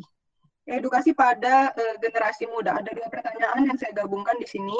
Melihat kondisi kekerasan seksual di Papua seperti ini, apa fungsi edukasi yang mestinya dilakukan oleh masyarakat umum atau Papua secara umum yang mungkin bisa membantu pencegahan kekerasan seksual dan memberikan kesadaran bagi masyarakat Papua tentang penghargaan bagi perempuan. Lalu yang kedua, menurut pengamatan saya kekerasan yang paling menonjol di saat ini adalah terjadi pada generasi muda Papua Mengapa? Karena pemahaman terhadap ini sangat terbatas karena sudah menjadi hal yang lumrah di kalangan anak-anak muda. Mengapa itu bisa terjadi? Kak Natalia dulu mungkin karena Oke, okay. saya mungkin akan mencoba menjawab ya. Um, untuk meningkatkan kesadaran masyarakat terhadap terhadap uh, pemahaman untuk korban uh, untuk memahami korban pelecehan seksual dan lain sebagainya. Mungkin uh, karena apa ya ini kebetulan ada Kanti sebagai Kanti punya pemahaman yang lebih luas mungkin uh, apa ya perlu adanya kesadaran dari masyarakat untuk uh, meningkatkan pemahaman uh, tentang tentang apa ya pentingnya menghargai perempuan gitu. Terus pentingnya menghargai apa ya uh, uh, halo? Uh, kelihatannya masalah sinyal juga ya. Oke, Kak Natalia dengan Kak Novita. Kayaknya terkendala sinyal keluar dari in, diskusi ini kita tunggu. Silakan uh, Mbak Anti boleh memberikan respon untuk pertanyaan-pertanyaan yang tadi tentang edukasi di generasi muda dan soal impunitas. Terima kasih banyak dokter. Uh, pada dasarnya saya sekali lagi ucapkan dan sampaikan bahwa saya tidak merepresentasikan kawan-kawan Papua, tapi saya lebih mempresentasikan dari pandangan etik emik sebagai pendamping penyintas kekerasan. Jadi uh, kapasitas saya di sini adalah uh, sebagai pendamping penyintas kekerasan bukan hanya di soal Papua, tapi seluruh secara umum ke, uh, kepada uh, penyintas kekerasan perempuan begitu ya yang perlu digarisbawahi bahwa tidak ada yang merepresentasikan soal uh, uh, apa namanya hak-hak uh, orang Papua kecuali orang Papua itu sendiri. Jadi giving the voiceless itu adalah kawan-kawan uh, sendiri yang kenal betul konteks uh, isu Papua, tahu betul apa yang terjadi di sana. Yang kami lakukan di sini adalah mengamplify. Jadi memperbesar, memberikan uh, apa namanya media-media uh, yang bisa didiskusikan bersama agar uh, kita semua bisa uh, agar kita semua mampu uh, dalam hal ini melihat uh, dengan kacamata yang lebih uh, luas supaya kita tahu apa sih yang bisa kita kontribusikan dengan kapasitas kita masing-masing. Soal pendidikan misalnya uh, pemerintah Indonesia dalam hal ini saya pikir sudah uh, berupaya begitu ya untuk memberikan pendidikan-pendidikan yang uh, apa namanya dan kebijakan-kebijakannya untuk mendirikan sekolah-sekolah. Kayak saya lihat sendiri kawan-kawan uh, uh, di sini juga kemudian sekolah di luar Papua, tapi kemudian yang bisa dilakukan adalah bentuk pendidikan seperti apa? Ya salah satunya adalah dengan diskusi seperti ini. Diskusi seperti ini kan sebenarnya uh, mengelaborasi kasus yang ada, kemudian uh, melihat lagi dengan perspektif yang lebih luas, kemudian mendengar konteks-konteks yang lebih uh, luas lagi dan tidak saling menyalahkan. Posisinya adalah untuk tidak saling menyalahkan, tapi lebih mendengar pengalaman pembelajaran. Setiap orang punya pengalaman dan pembelajaran yang sangat unik yang harus dihargai menurut saya. Uh, apalagi kawan-kawan yang memang hari-harinya melakukan pendampingan kekerasan, terutama kekerasan yang dialami perempuan Papua. Lah, yang kedua adalah soal apa namanya bagaimana kemudian proses edukasi ini bisa tersampaikan dengan baik. Kita satu saat ini kita pandemi. Pandemi ini mengakibatkan kita semua uh, mengakses informasi itu jauh lebih banyak dari uh, internet atau diskusi-diskusi uh, form informal seperti ini. Dan diskusi-diskusi formal informal seperti ini sebenarnya ruang-ruang pembelajaran yang sangat sangat baik gitu. Artinya uh, kita tahu konteks uh, perubahan yang terjadi di uh, Papua saat ini seperti apa. Kemudian kalau saya saya lebih mengedepankan soal bagaimana proses pendampingan kepada perempuan korban yang sesuai dengan kode etik kalau tadi kawan-kawan lihat gitu ya PowerPoint saya mengetebankan uh, kode etik pendampingan perempuan uh, untuk uh, penyintas kekerasan yang berbasiskan informed consent kemudian yang kedua berbasiskan pada prinsip-prinsip uh, empat prinsip-prinsip untuk uh, bagaimana perempuan korban itu menjadi lebih berdaya. Nah, soal impunitas sendiri mungkin Dokter Sandra ini sebenarnya uh, kawan-kawan LBH Papua mungkin ya, jadi Kak Novita Opki gitu ya yang punya uh, apa kapasitas untuk uh, lebih banyak bicara gitu karena beliau adalah orang-orang yang hari-harinya gitu ya menerima masukan, menerima pelaporan dan lain sebagainya. Jadi impunitas yang terjadi ini sebenarnya menjadi catatan untuk kita semua yang terus harusnya terus-menerus disuarakan. Artinya begini kita tahu ada konteks kekerasan yang terjadi, terutama uh, pada uh, perempuan korban begitu ya. Yang bisa kita lakukan sesuai dengan kapasitas kita sekarang adalah satu memberikan narasi-narasi yang mengamplify untuk mendorong uh, keterlibatan lebih banyak pemangku kepentingan supaya bisa kemudian melakukan tindakan uh, uh, yang affirmative action. Jadi bukan hanya uh, apa namanya uh, melakukan misalnya melakukan pemantauan tapi kemudian hasilnya uh, tindak lanjutnya seperti apa. Nah, itu yang bisa kita lakukan sekarang sebagai masyarakat sipil adalah terus menyuarakan hal ini gitu karena kapasitas kita terbatas, kapasitas saya terbatas terutama uh, kemudian saya juga tidak uh, apa namanya tidak banyak terlibat langsung uh, di Papua seperti Kak Novita Opki dengan LBH Papua dan kawan-kawan uh, dari uh, koalisi anti kekerasan seksual begitu yang hari-hari menerima kasus gitu ya. Saya pikir kemudian konteks-konteks yang disampaikan oleh kawan-kawan langsung yang ada di lapangan itu menjadi pembelajaran kita semua dan kita orang-orang uh, di luar Papua atau orang-orang yang bukan orang Papua begitu ya bisa kemudian mendukung dengan cara misalnya salah satunya adalah memberikan informasi-informasi yang valid misalnya. Kemudian mendorong terjadinya Eh, rujukan-rujukan bagi kawan-kawan uh, korban yang saat ini masih kesulitan untuk mengakses uh, layanan-layanan rujukan. Kira-kira seperti itu. Jadi apa namanya? Uh, saya pikir referensi-referensi uh, yang ada di sini adalah referensi-referensi kawan-kawan langsung yang buat saya pengalamannya pasti jauh lebih luar biasa daripada saya tentunya tapi yang saya uh, sampaikan di sini adalah bagaimana ruang-ruang diskusi seperti ini tuh diadakan untuk menjadi pembelajaran kita semua apa yang perlu diperbaiki, apa yang perlu didasarkan secara bersama, apa yang kemudian bisa dicarikan solusi bersama, rujukan seperti apa dan lain sebagainya. Kira-kira seperti itu. Uh, Oke okay, baik Mbak Anti, uh, ini karena masih menunggu Kak Novita maka Natalia saya sudah konfirmasi lewat WhatsApp memang terkendala jaringan. Padahal ini pertanyaan berikutnya uh, sangat perlu dijawab oleh Kak Natalia dengan Kak Novita karena pertanyaannya tentang komunitas atau lembaga atau komunitas perempuan. Tapi selagi kita menunggu, ini eh, Mbak Anti jangan mute dulu. Ada satu pertanyaan khusus untuk eh, Drupadi. Bentar ya. Ya, dari 170 partisipan dalam laporan saya ada di sini, 40 di antaranya mengalami kekerasan oleh negara. Sejauh mana Komnas mendorong pemenuhan hak korban dan pemulihan? Apakah hanya selesai di rekomendasi? Apa solusi yang bisa ditawarkan untuk mengantisipasi benturan antara budaya dan hukum adat? Uh, ya, itu pertanyaan yang kepada Mbak Anti. Silakan, Mbak Anti. Uh, baiklah, Terima kasih banyak atas seluruh masukan dan uh, tanggapannya. Saya pikir ini diskusi yang sangat menarik begitu ya kalau berpin, ber, uh, berbincang soal data kekerasan perempuan. Dan memang betul proses um, mendorong terjadinya uh, pemulihan ataupun uh, penanganan kasus kekerasan yang menimpa uh, kawan-kawan atau saudara-saudari kita di Papua itu tidak bisa seperti membalikan tangan gitu ya. Yang bicara oh, kadang-kadang Mbak Anti ini ada ralat dari penanya maksudnya adalah uh, solusi yang ditawarkan mengantisipasi benturan antara budaya dengan hukum formal. Uh, revisi pertanyaannya. Baik, terima kasih banyak. Uh, terima kasih uh, budaya dan hukum. Baik, begini.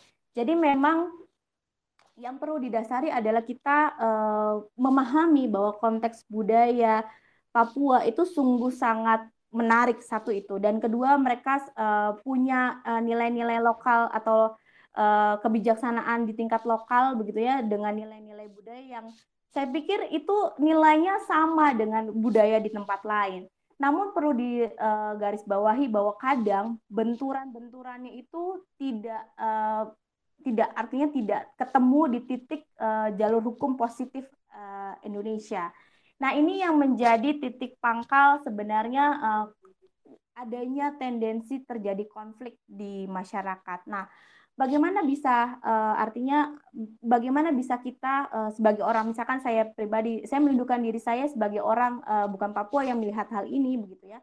Apa yang bisa dilakukan adalah yang pertama adalah melihat atau menggali kembali budaya-budaya luhur dari masyarakat Papua yang yang saya yakin uh, nilai-nilainya itu tidak pernah mengurangi hak asasi manusia. Jadi nilai-nilainya itu selalu menghormati dan uh, apa namanya uh, sangat luhur begitu ya.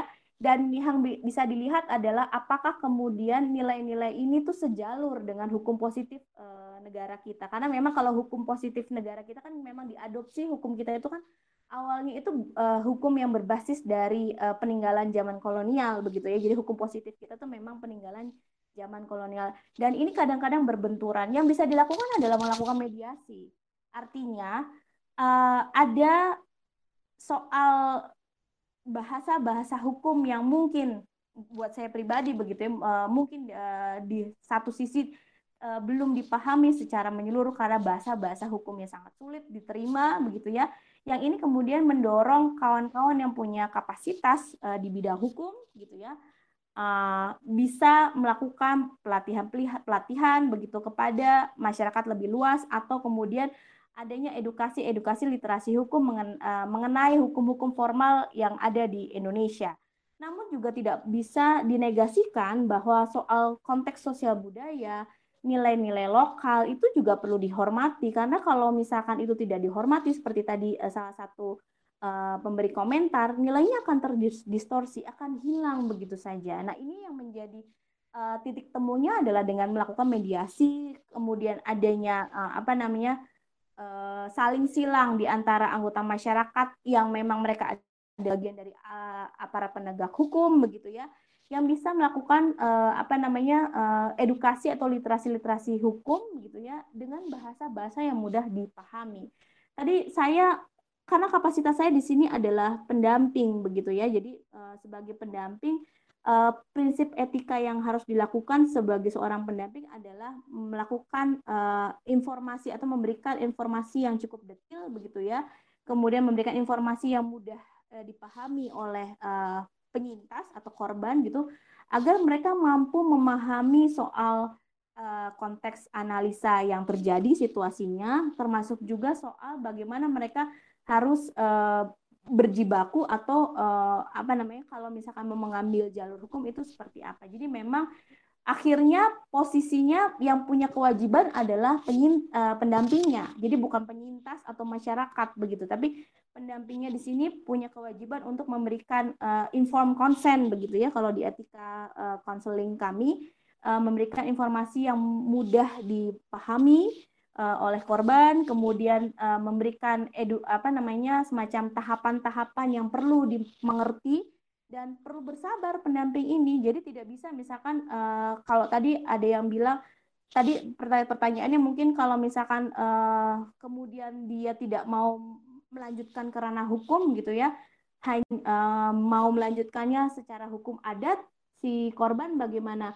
Sepertinya harus di kalau kami di uh, posisi sebagai pendamping kami harus menghormati keputusan uh, dari penyintas gitu. Jadi setelah diberikan uh, informasi yang detail, kemudian diberikan uh, soal uh, tahapan-tahapannya kalau misalkan mengambil jalur A, konsekuensinya adalah seperti ini, kalau mengambil keputusan B, konsekuensinya seperti ini, ini semua yang berkewajiban dilakukan oleh pendamping kepada korban. Tapi kemudian soal bagaimana uh, korban atau penyintas mengambil keputusan itu semuanya diserahkan kepada ke, uh, penyintas atau korban. Jadi uh, kami tidak boleh mengintervensi. Semua kembali lagi kepada keputusan berbasiskan dengan konsen atau persetujuan. Nah, kalau misalkan ditanya apa namanya, apakah yang dilakukan, jadi kita harus paham bahwa proses pendampingan itu dari hulu ke hilir begitu ya. Jadi nggak bisa hanya tingkat ke, ke kemudian lupa di soal pemulihan tadi kalau saya di pro, pro, pro, presentasi saya soal pendampingan psikososial korban karena eh, saat ini kapasitas saya yang eh, saya lakukan adalah lebih banyak melakukan pendampingan di tingkat dasar gitu di tingkat uh, korban yang uh, perlu proses pemulihan psikososial. Ini dulu diselesaikan karena kalau ini tidak diselesaikan akan uh, menjadi uh, hilirnya menjadi tidak tidak tidak runut gitu. Jadi yang dilakukan adalah uh, pendampingan korban. Mungkin rasanya individu gitu karena sifatnya personal. Walaupun dia kekerasannya kekerasan yang dialami adalah kekerasan berlapis tapi yang dilakukan adalah mendorong para pendamping ini untuk bisa punya perspektif uh, keberpihakan kepada korban agar si korban ini menjadi lebih berdaya. Jadi titik poin power power, pers, uh, PPT saya atau presentasi saya adalah seperti itu. Jadi memulihkan korban agar korban ini mampu secara berdaya mengambil keputusan-keputusan termasuk juga dia menjadi inspirasi lainnya. Jadi seperti Kak uh, Novita Oki ini termasuk salah satu penyintas yang buat uh, menurut saya uh, konteksnya data-datanya valid begitu ya dan uh, beliau ini adalah orang yang tiap hari hari-harinya menerima aduan uh, kasus gitu. Dan uh, ketika mereka sudah dalam tanda kutip uh, pulih gitu, kemudian berproses, mereka menjadi inspirasi dan bisa kemudian menerima pelaporan dari perempuan korban lain yang uh, posisinya belum berdaya gitu. Jadi yang bisa saya kedepankan sebenarnya soal etika pendamping uh, psikososial, soal bagaimana keberpihakan pendamping kepada korban, melihat konteks Papua. Jadi yang kita spesifikkan bukan soal isu yang terjadi di Papua, tapi bagaimana kemudian pendampingan. Kita kan isunya kan kita diskusi malam ini kan tentang pendampingan uh, penyintas kekerasan uh, di uh, apa kekerasan terutama perempuan ya. Jadi memang konteksnya harus dikembalikan kepada hal itu, Dokter Sandra. Kira-kira seperti itu. Oke, terima kasih Mbak Anti. Ini kebetulan juga Kak, aduh, Kak Novita keluar dari tadi mungkin kesulitan sinyal ini keluar masuk keluar masuk. Ini sebetulnya masih ada beberapa pertanyaan yang uh, penting dijawab oleh Kak Novita dan Kak Natalia sebagai uh, aktivis di komunitas. Kira-kira empat pertanyaan, tapi empat pertanyaan ini saya uh, gabungkan karena ini topiknya senada, yaitu yaitu tentang komunitas atau kelompok dukungan uh, sebaya atau lembaga. Bagaimana komunitas bergerak membantu mendampingi perempuan Papua, lalu tentang posisi Komnas Perempuan di Papua. Hingga saat ini Komnas tidak mampu mendorong isu perempuan Papua pasca aneksasi, sehingga sekarang selalu mengalami impunitas. Komnas Perempuan ada buat apa sebagai tindak lanjut pertemuan dengan pengungsi di Wamena? dan apa yang perempuan Indonesia bisa bantu sebagai solidaritas. Oh iya, ini masukan yang bagus sekali. Mungkin ada teman-teman rekan-rekan dari Kak Natalia atau Kak Novita dari LBH Papua atau dari Komnas Perempuan atau dari komunitas perempuan Papua yang mungkin bisa bantu menjawab. Ya, uh, selamat malam. Oh iya, uh, selamat malam kakak. Siapa namanya? Ini sebentar tidak kelihatan namanya. Selamat malam kak.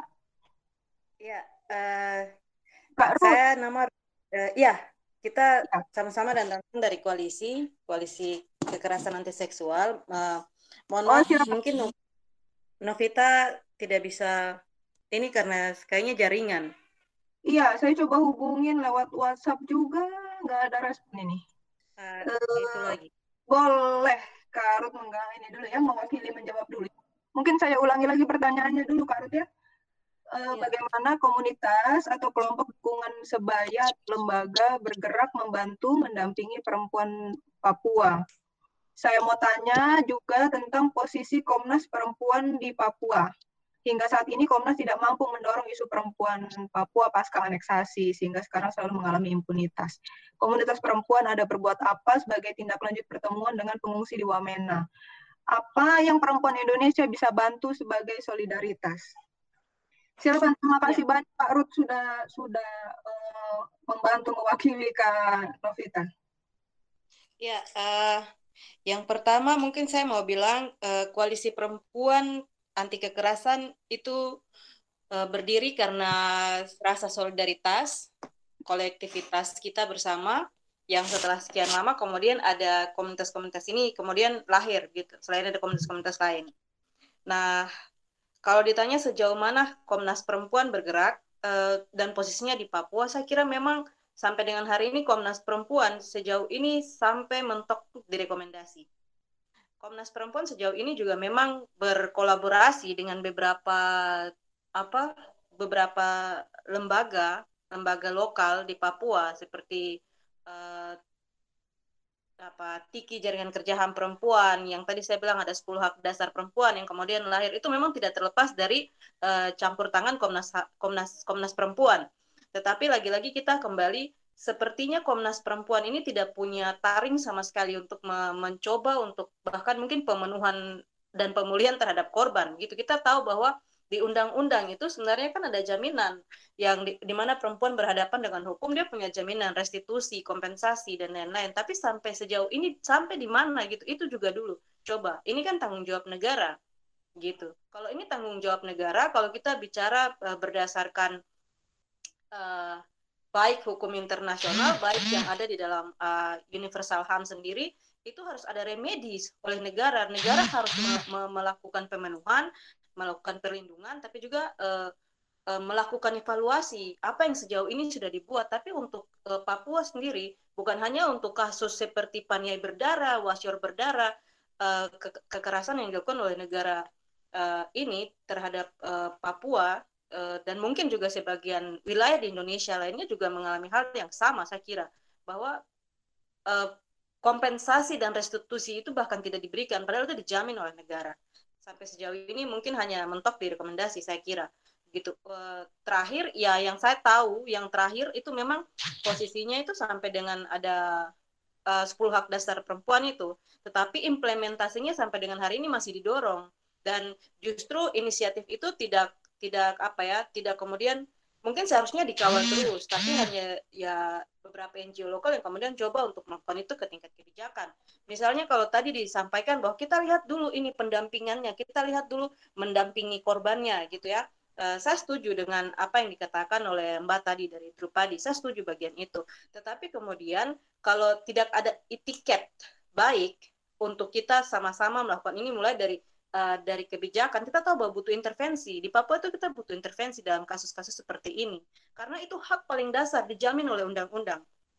Di dalam perempuan berhadapan dengan hukum bukan hanya karena kekerasan negara tapi baik dalam domestic violence. Itu harus seharusnya diberikan. Bayangkan ya ada perempuan uh, Mama Yosep Palomang punya teman-teman itu teman-teman waktu lalu komunitas uh, uh, di, di Papua ada kontras Papua ya. Jadi uh, bersatu untuk keadilan itu mama-mama tuh sampai ada yang tangan putus. Tangan putus kaki putus. Itu gara-gara apa? Gara-gara itu ditembak. Ini kita bicara dalam konteks yang memang ini sampai pada tingkatan seperti ini masa tidak bisa begitu dilakukan? Jadi itu yang saya maksud tadi bahwa perlu intervensi yang besar. Kita tidak kita mendampingi korban tetap jalan tetapi advokasi kebijakan itu penting karena di Papua konteksnya memang sulit untuk di, di, di, di, di generalisasi gitu. Bahkan bentuk-bentuk benturannya juga banyak kan. Nah, pertanyaan berikut tadi uh, komunitas ya, bagaimana komunitas bergerak untuk mendampingi mendampingi apa korban-korban kekerasan. Uh, saya pikir kita mulai dari hal yang kecil, dari diri kita begitu misalnya. Saya sendiri buat YouTube channel di YouTube channel itu saya coba uh, berdasarkan pedoman uh, apa uh, perkara perempuan berhadapan dengan hukum itu mencoba untuk bikin enam langkah enam langkah bagaimana kita aware gitu terhadap kekerasan terhadap perempuan. Sehingga jangan dulu kita menutup mata gitu. Kita uh, bicara dari komunitas. Komunitas itu ketika ada orang-orang yang kemudian sadar. Orang-orang yang sadar kemudian bergerak bersama kumpul membentuk komunitas terus bergerak. Semisalnya koalisi anti kekerasan seksual. Kita kemudian berpikir untuk bergerak. Ini kan baru tahun lalu. Kita kemudian oke, okay, kita satu pandangan, kita semua sadar bahwa stop kekerasan terhadap perempuan stop kekerasan seksual gitu. Kemudian kita kumpul jadi terus bergerak. Mulai bentuk-bentuk itu dulu. Jadi yang paling pertama sadar kita pribadi perempuan khususnya harus sadar bahwa tidak boleh lagi ada kekerasan terhadap perempuan dalam bentuk apa pun. Uh, yang kedua ya sebaiknya dalam lingkar komunitas kita itu kita punya apa komitmen bersama. Semua satu perspektif untuk jalan. Mulai dari kerja penyadarannya tapi juga kerja pendampingannya. Kalau bilang kerja pendampingan saya jujur saya sendiri tidak tidak langsung mendampingi kasus. Tetapi melakukan campaign itu iya. Melakukan kampanye soal penyadaran uh, untuk menghentikan kekerasan.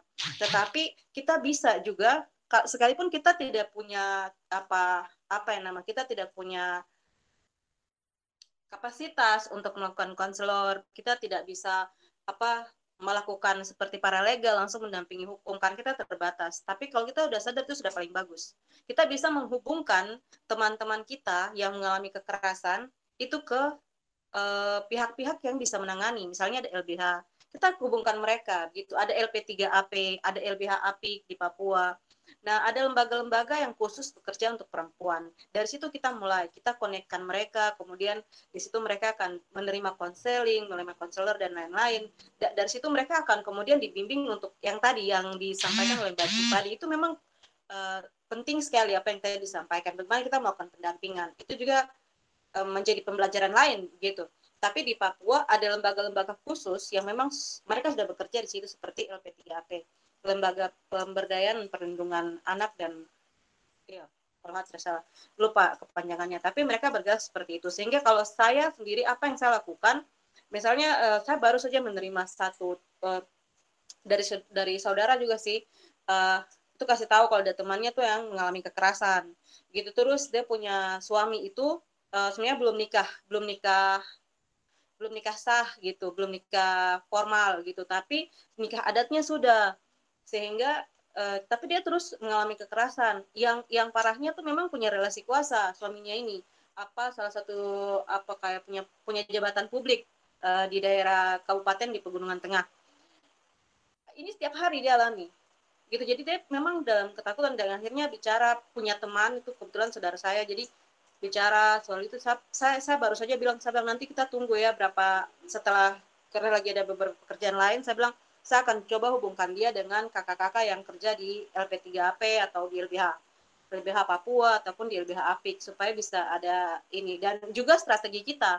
Dan juga strategi kita. Kita ingat kalau ada yang punya relasi kuasa kalau yang punya relasi kuasa itu lebih sulit.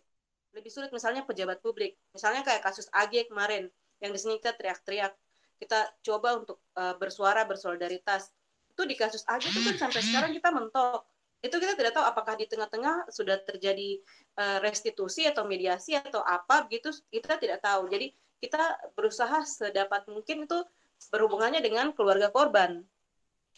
Tapi tidak dengan korban langsung karena menghindari traumanya dia gitu tapi di satu sisi kan kemudian apa ya namanya uh, advokasi ini kemudian dia jadi karena kita juga kan kita jauh ya di Papua kasusnya bukan di sini terus apa uh, sangat tergantung juga dari pendampingan hukum toh yang dilakukan gitu. Dan dan dan kita coba untuk mengawal kasus itu terus sampai dengan terakhir mencoba mengkomunikasi kembali dengan keluarga korban untuk tahu uh, sebenarnya sudah sejauh mana sih uh, apa kasus ini berjalan apakah sudah ada restitusi mungkin atau, atau, atau apa gitu mediasi yang sudah dilakukan sehingga kasus itu kemudian mandek karena kasus itu kan sudah sampai ke tingkatan apa namanya penyidikan, penyidikan dan sudah ada alat-alat bukti dan lain sebagainya. Jadi uh, itu coba kita kawal tapi uh, masih masih masih masih masih dalam uh, proses bagaimana kita tahu sampai di mana gitu. Nah, ini proses pembelajaran juga buat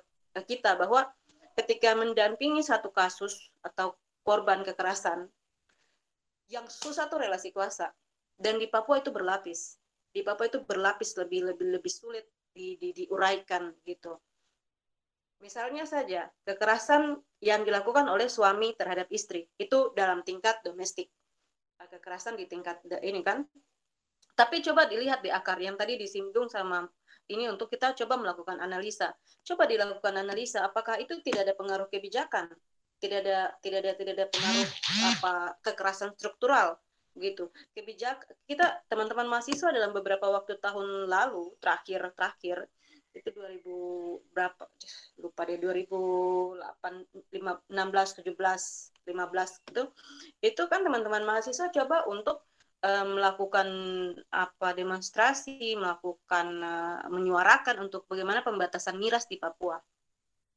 Perda tentang miras itu harus dikeluarkan. Itu sebenarnya bentuk dari mencoba untuk supaya itu juga. Itu kalau di, itu kalau ada itu bisa menekan karena kekerasan juga terjadi karena itu tingkat konsumsi miras yang tinggi gitu. Dan itu adanya di mana? Ini kalau negara punya punya keberpihakan atau paling tidak Komnas Perempuan bisa membantu untuk me melakukan approach itu kan seharusnya ini bisa gitu.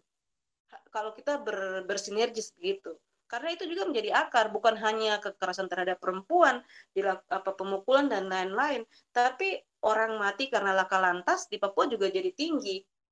Nah, hal-hal inilah yang kemudian membuat situasi dan apa yang kita uh, sebut di Papua itu menjadi lebih berlapis, struktural, kompleks, dan advokasinya tidak bisa, uh, uh, advokasinya itu memang penting melakukan pendampingan, tapi juga uh, penting untuk mengintervensi kebijakan.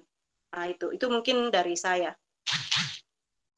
Terima kasih banyak atas responnya Kak Ruth sudah membantu menjawab dan menjelaskan uh, mewakili Kak Novita, tapi penjelasannya sangat komprehensif sekali. Uh, pertanyaan rasanya sudah, semuanya hanya tinggal respon-respon saja. Waktu juga sudah setengah delapan waktu Indonesia Barat di Papua, teman-teman sana sudah setengah sepuluh lewat waktu Indonesia uh, Timur. Uh, ini sesuai ada, dengan katanya Gimana? tadi ada uh, saya lupa tadi apa uh, apa yang bisa kita lakukan kah solu apa apa yang ya, bisa kita ya. lakukan dari Iya ya kalau ya, tidak salah ya. Apa yang perempuan Indonesia bisa bantu sebagai solidaritas? Mungkin tadi uh, Karo juga sudah ada sedikit uh, membahas tentang apa yang bisa kita lakukan. Tetapi mungkin boleh kalau Karo mau menambahkan lagi tidak hanya uh, perempuan bisa berbuat apa, tapi mungkin generasi muda juga ya, karena tadi juga membahas tentang generasi muda. Silakan Karo uh, ini mungkin ada uh, memang di ruang chat kita nih menarik sekali, sangat dinamis. Uh, iya, itu nggak bisa keburu baca untuk komen-komen ini. Kan di situ dan memang uh, kita penting untuk melihat bahwa konteks Papua itu tidak bisa terlepas dari uh, sejarah panjangnya stigma terhadap orang Papua, stigma politik yang selalu diberikan, kemudian uh, pendekatan militer yang tinggi di Papua uh, itu mengakibatkan banyak sekali kehancuran. Ada KTD yang banyak karena itu juga uh, tingkat HIV yang tinggi karena banyak kebijakan yang membuat situasi itu. Sehingga uh, dan bagaimana kemudian impunitas itu terjadi. Kita melihat tadi konteksnya sudah banyak sekali dijelaskan dari Novi, kakak-kakak yang tadi juga sudah sampaikan, yang tadi juga sudah sampaikan.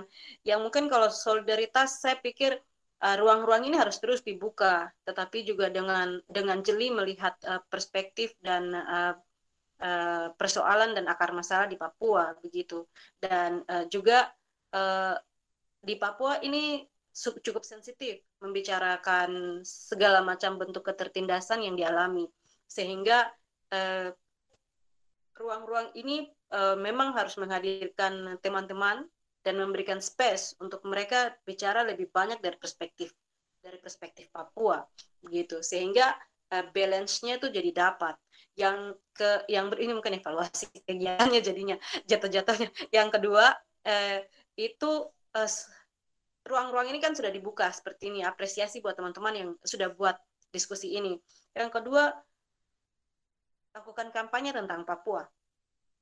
Lakukan kampanye tentang Papua sebisa yang teman-teman bisa. Lakukan penyadaran di tingkat teman-teman uh, lain bahwa uh, konteks Papua itu seperti ini.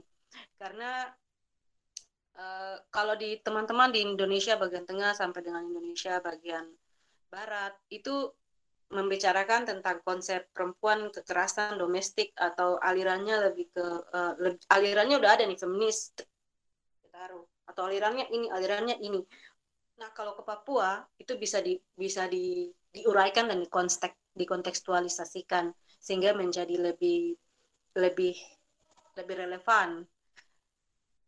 Yang ini sih ini aja sih menyadarkan lebih banyak lagi orang bahwa ketertindasan perempuan di Papua itu butuh solidaritas yang lebih besar dari semua eh, teman-teman uh, perempuan, teman-teman LGBT, teman-teman uh, semua yang merasa tertindas. Halo kakak, tiba-tiba suara dan gambar berhenti. Mungkin ini masalah sinyal lagi, tidak bisa kita hindari ya. Halo kakak, masih bisa disambung kah? Kak Ruth. Baik, teman-teman, tampaknya Kak Ruth ini juga mengalami masalah sinyal, eh, tapi saya sangat apresiasi respon dari Kak Ruth, juga teman-teman yang sudah memberikan pertanyaan dengan semua antusiasme dan respon-responnya. Saya rasa eh, tadi sudah cukup eh, jelas disampaikan oleh eh, para narasumber, juga respon tambahan dari Kak Ruth tentang yang paling penting adalah apa yang bisa kita uh, lakukan untuk memperbaiki uh, situasi yang sulit ini bagi teman-teman, uh, khususnya perempuan Papua.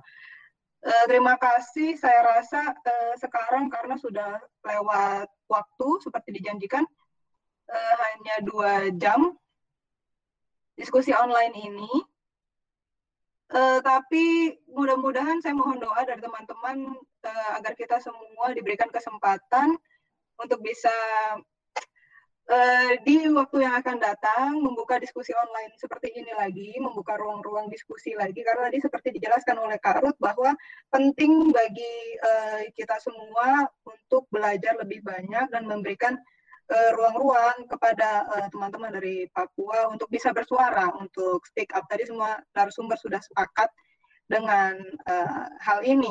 Uh, nanti teman-teman yang sudah mendaftar, yang uh, emailnya sudah masuk di dalam list, akan saya berikan uh, PowerPoint dari Kak Novita. Tadi Kak Novita sudah memberikan izin agar PowerPoint-nya bisa dibagikan kepada teman-teman supaya menjadi bahan pembelajaran. Juga eh, rekaman ini akan saya masukkan di channel YouTube Dokter Tanpa eh, Stigma dan rekaman suaranya juga akan masuk di podcast Dokter Tanpa Stigma di Spotify. Akhir kata saya tutup uh, diskusi online pada malam hari ini. Terima kasih untuk semua narasumber dan peserta kepada Kak Novita dan Kak Natalia yang sudah uh, left. Uh, terima kasih banyak kepada Mbak Anti dan kepada teman-teman semua.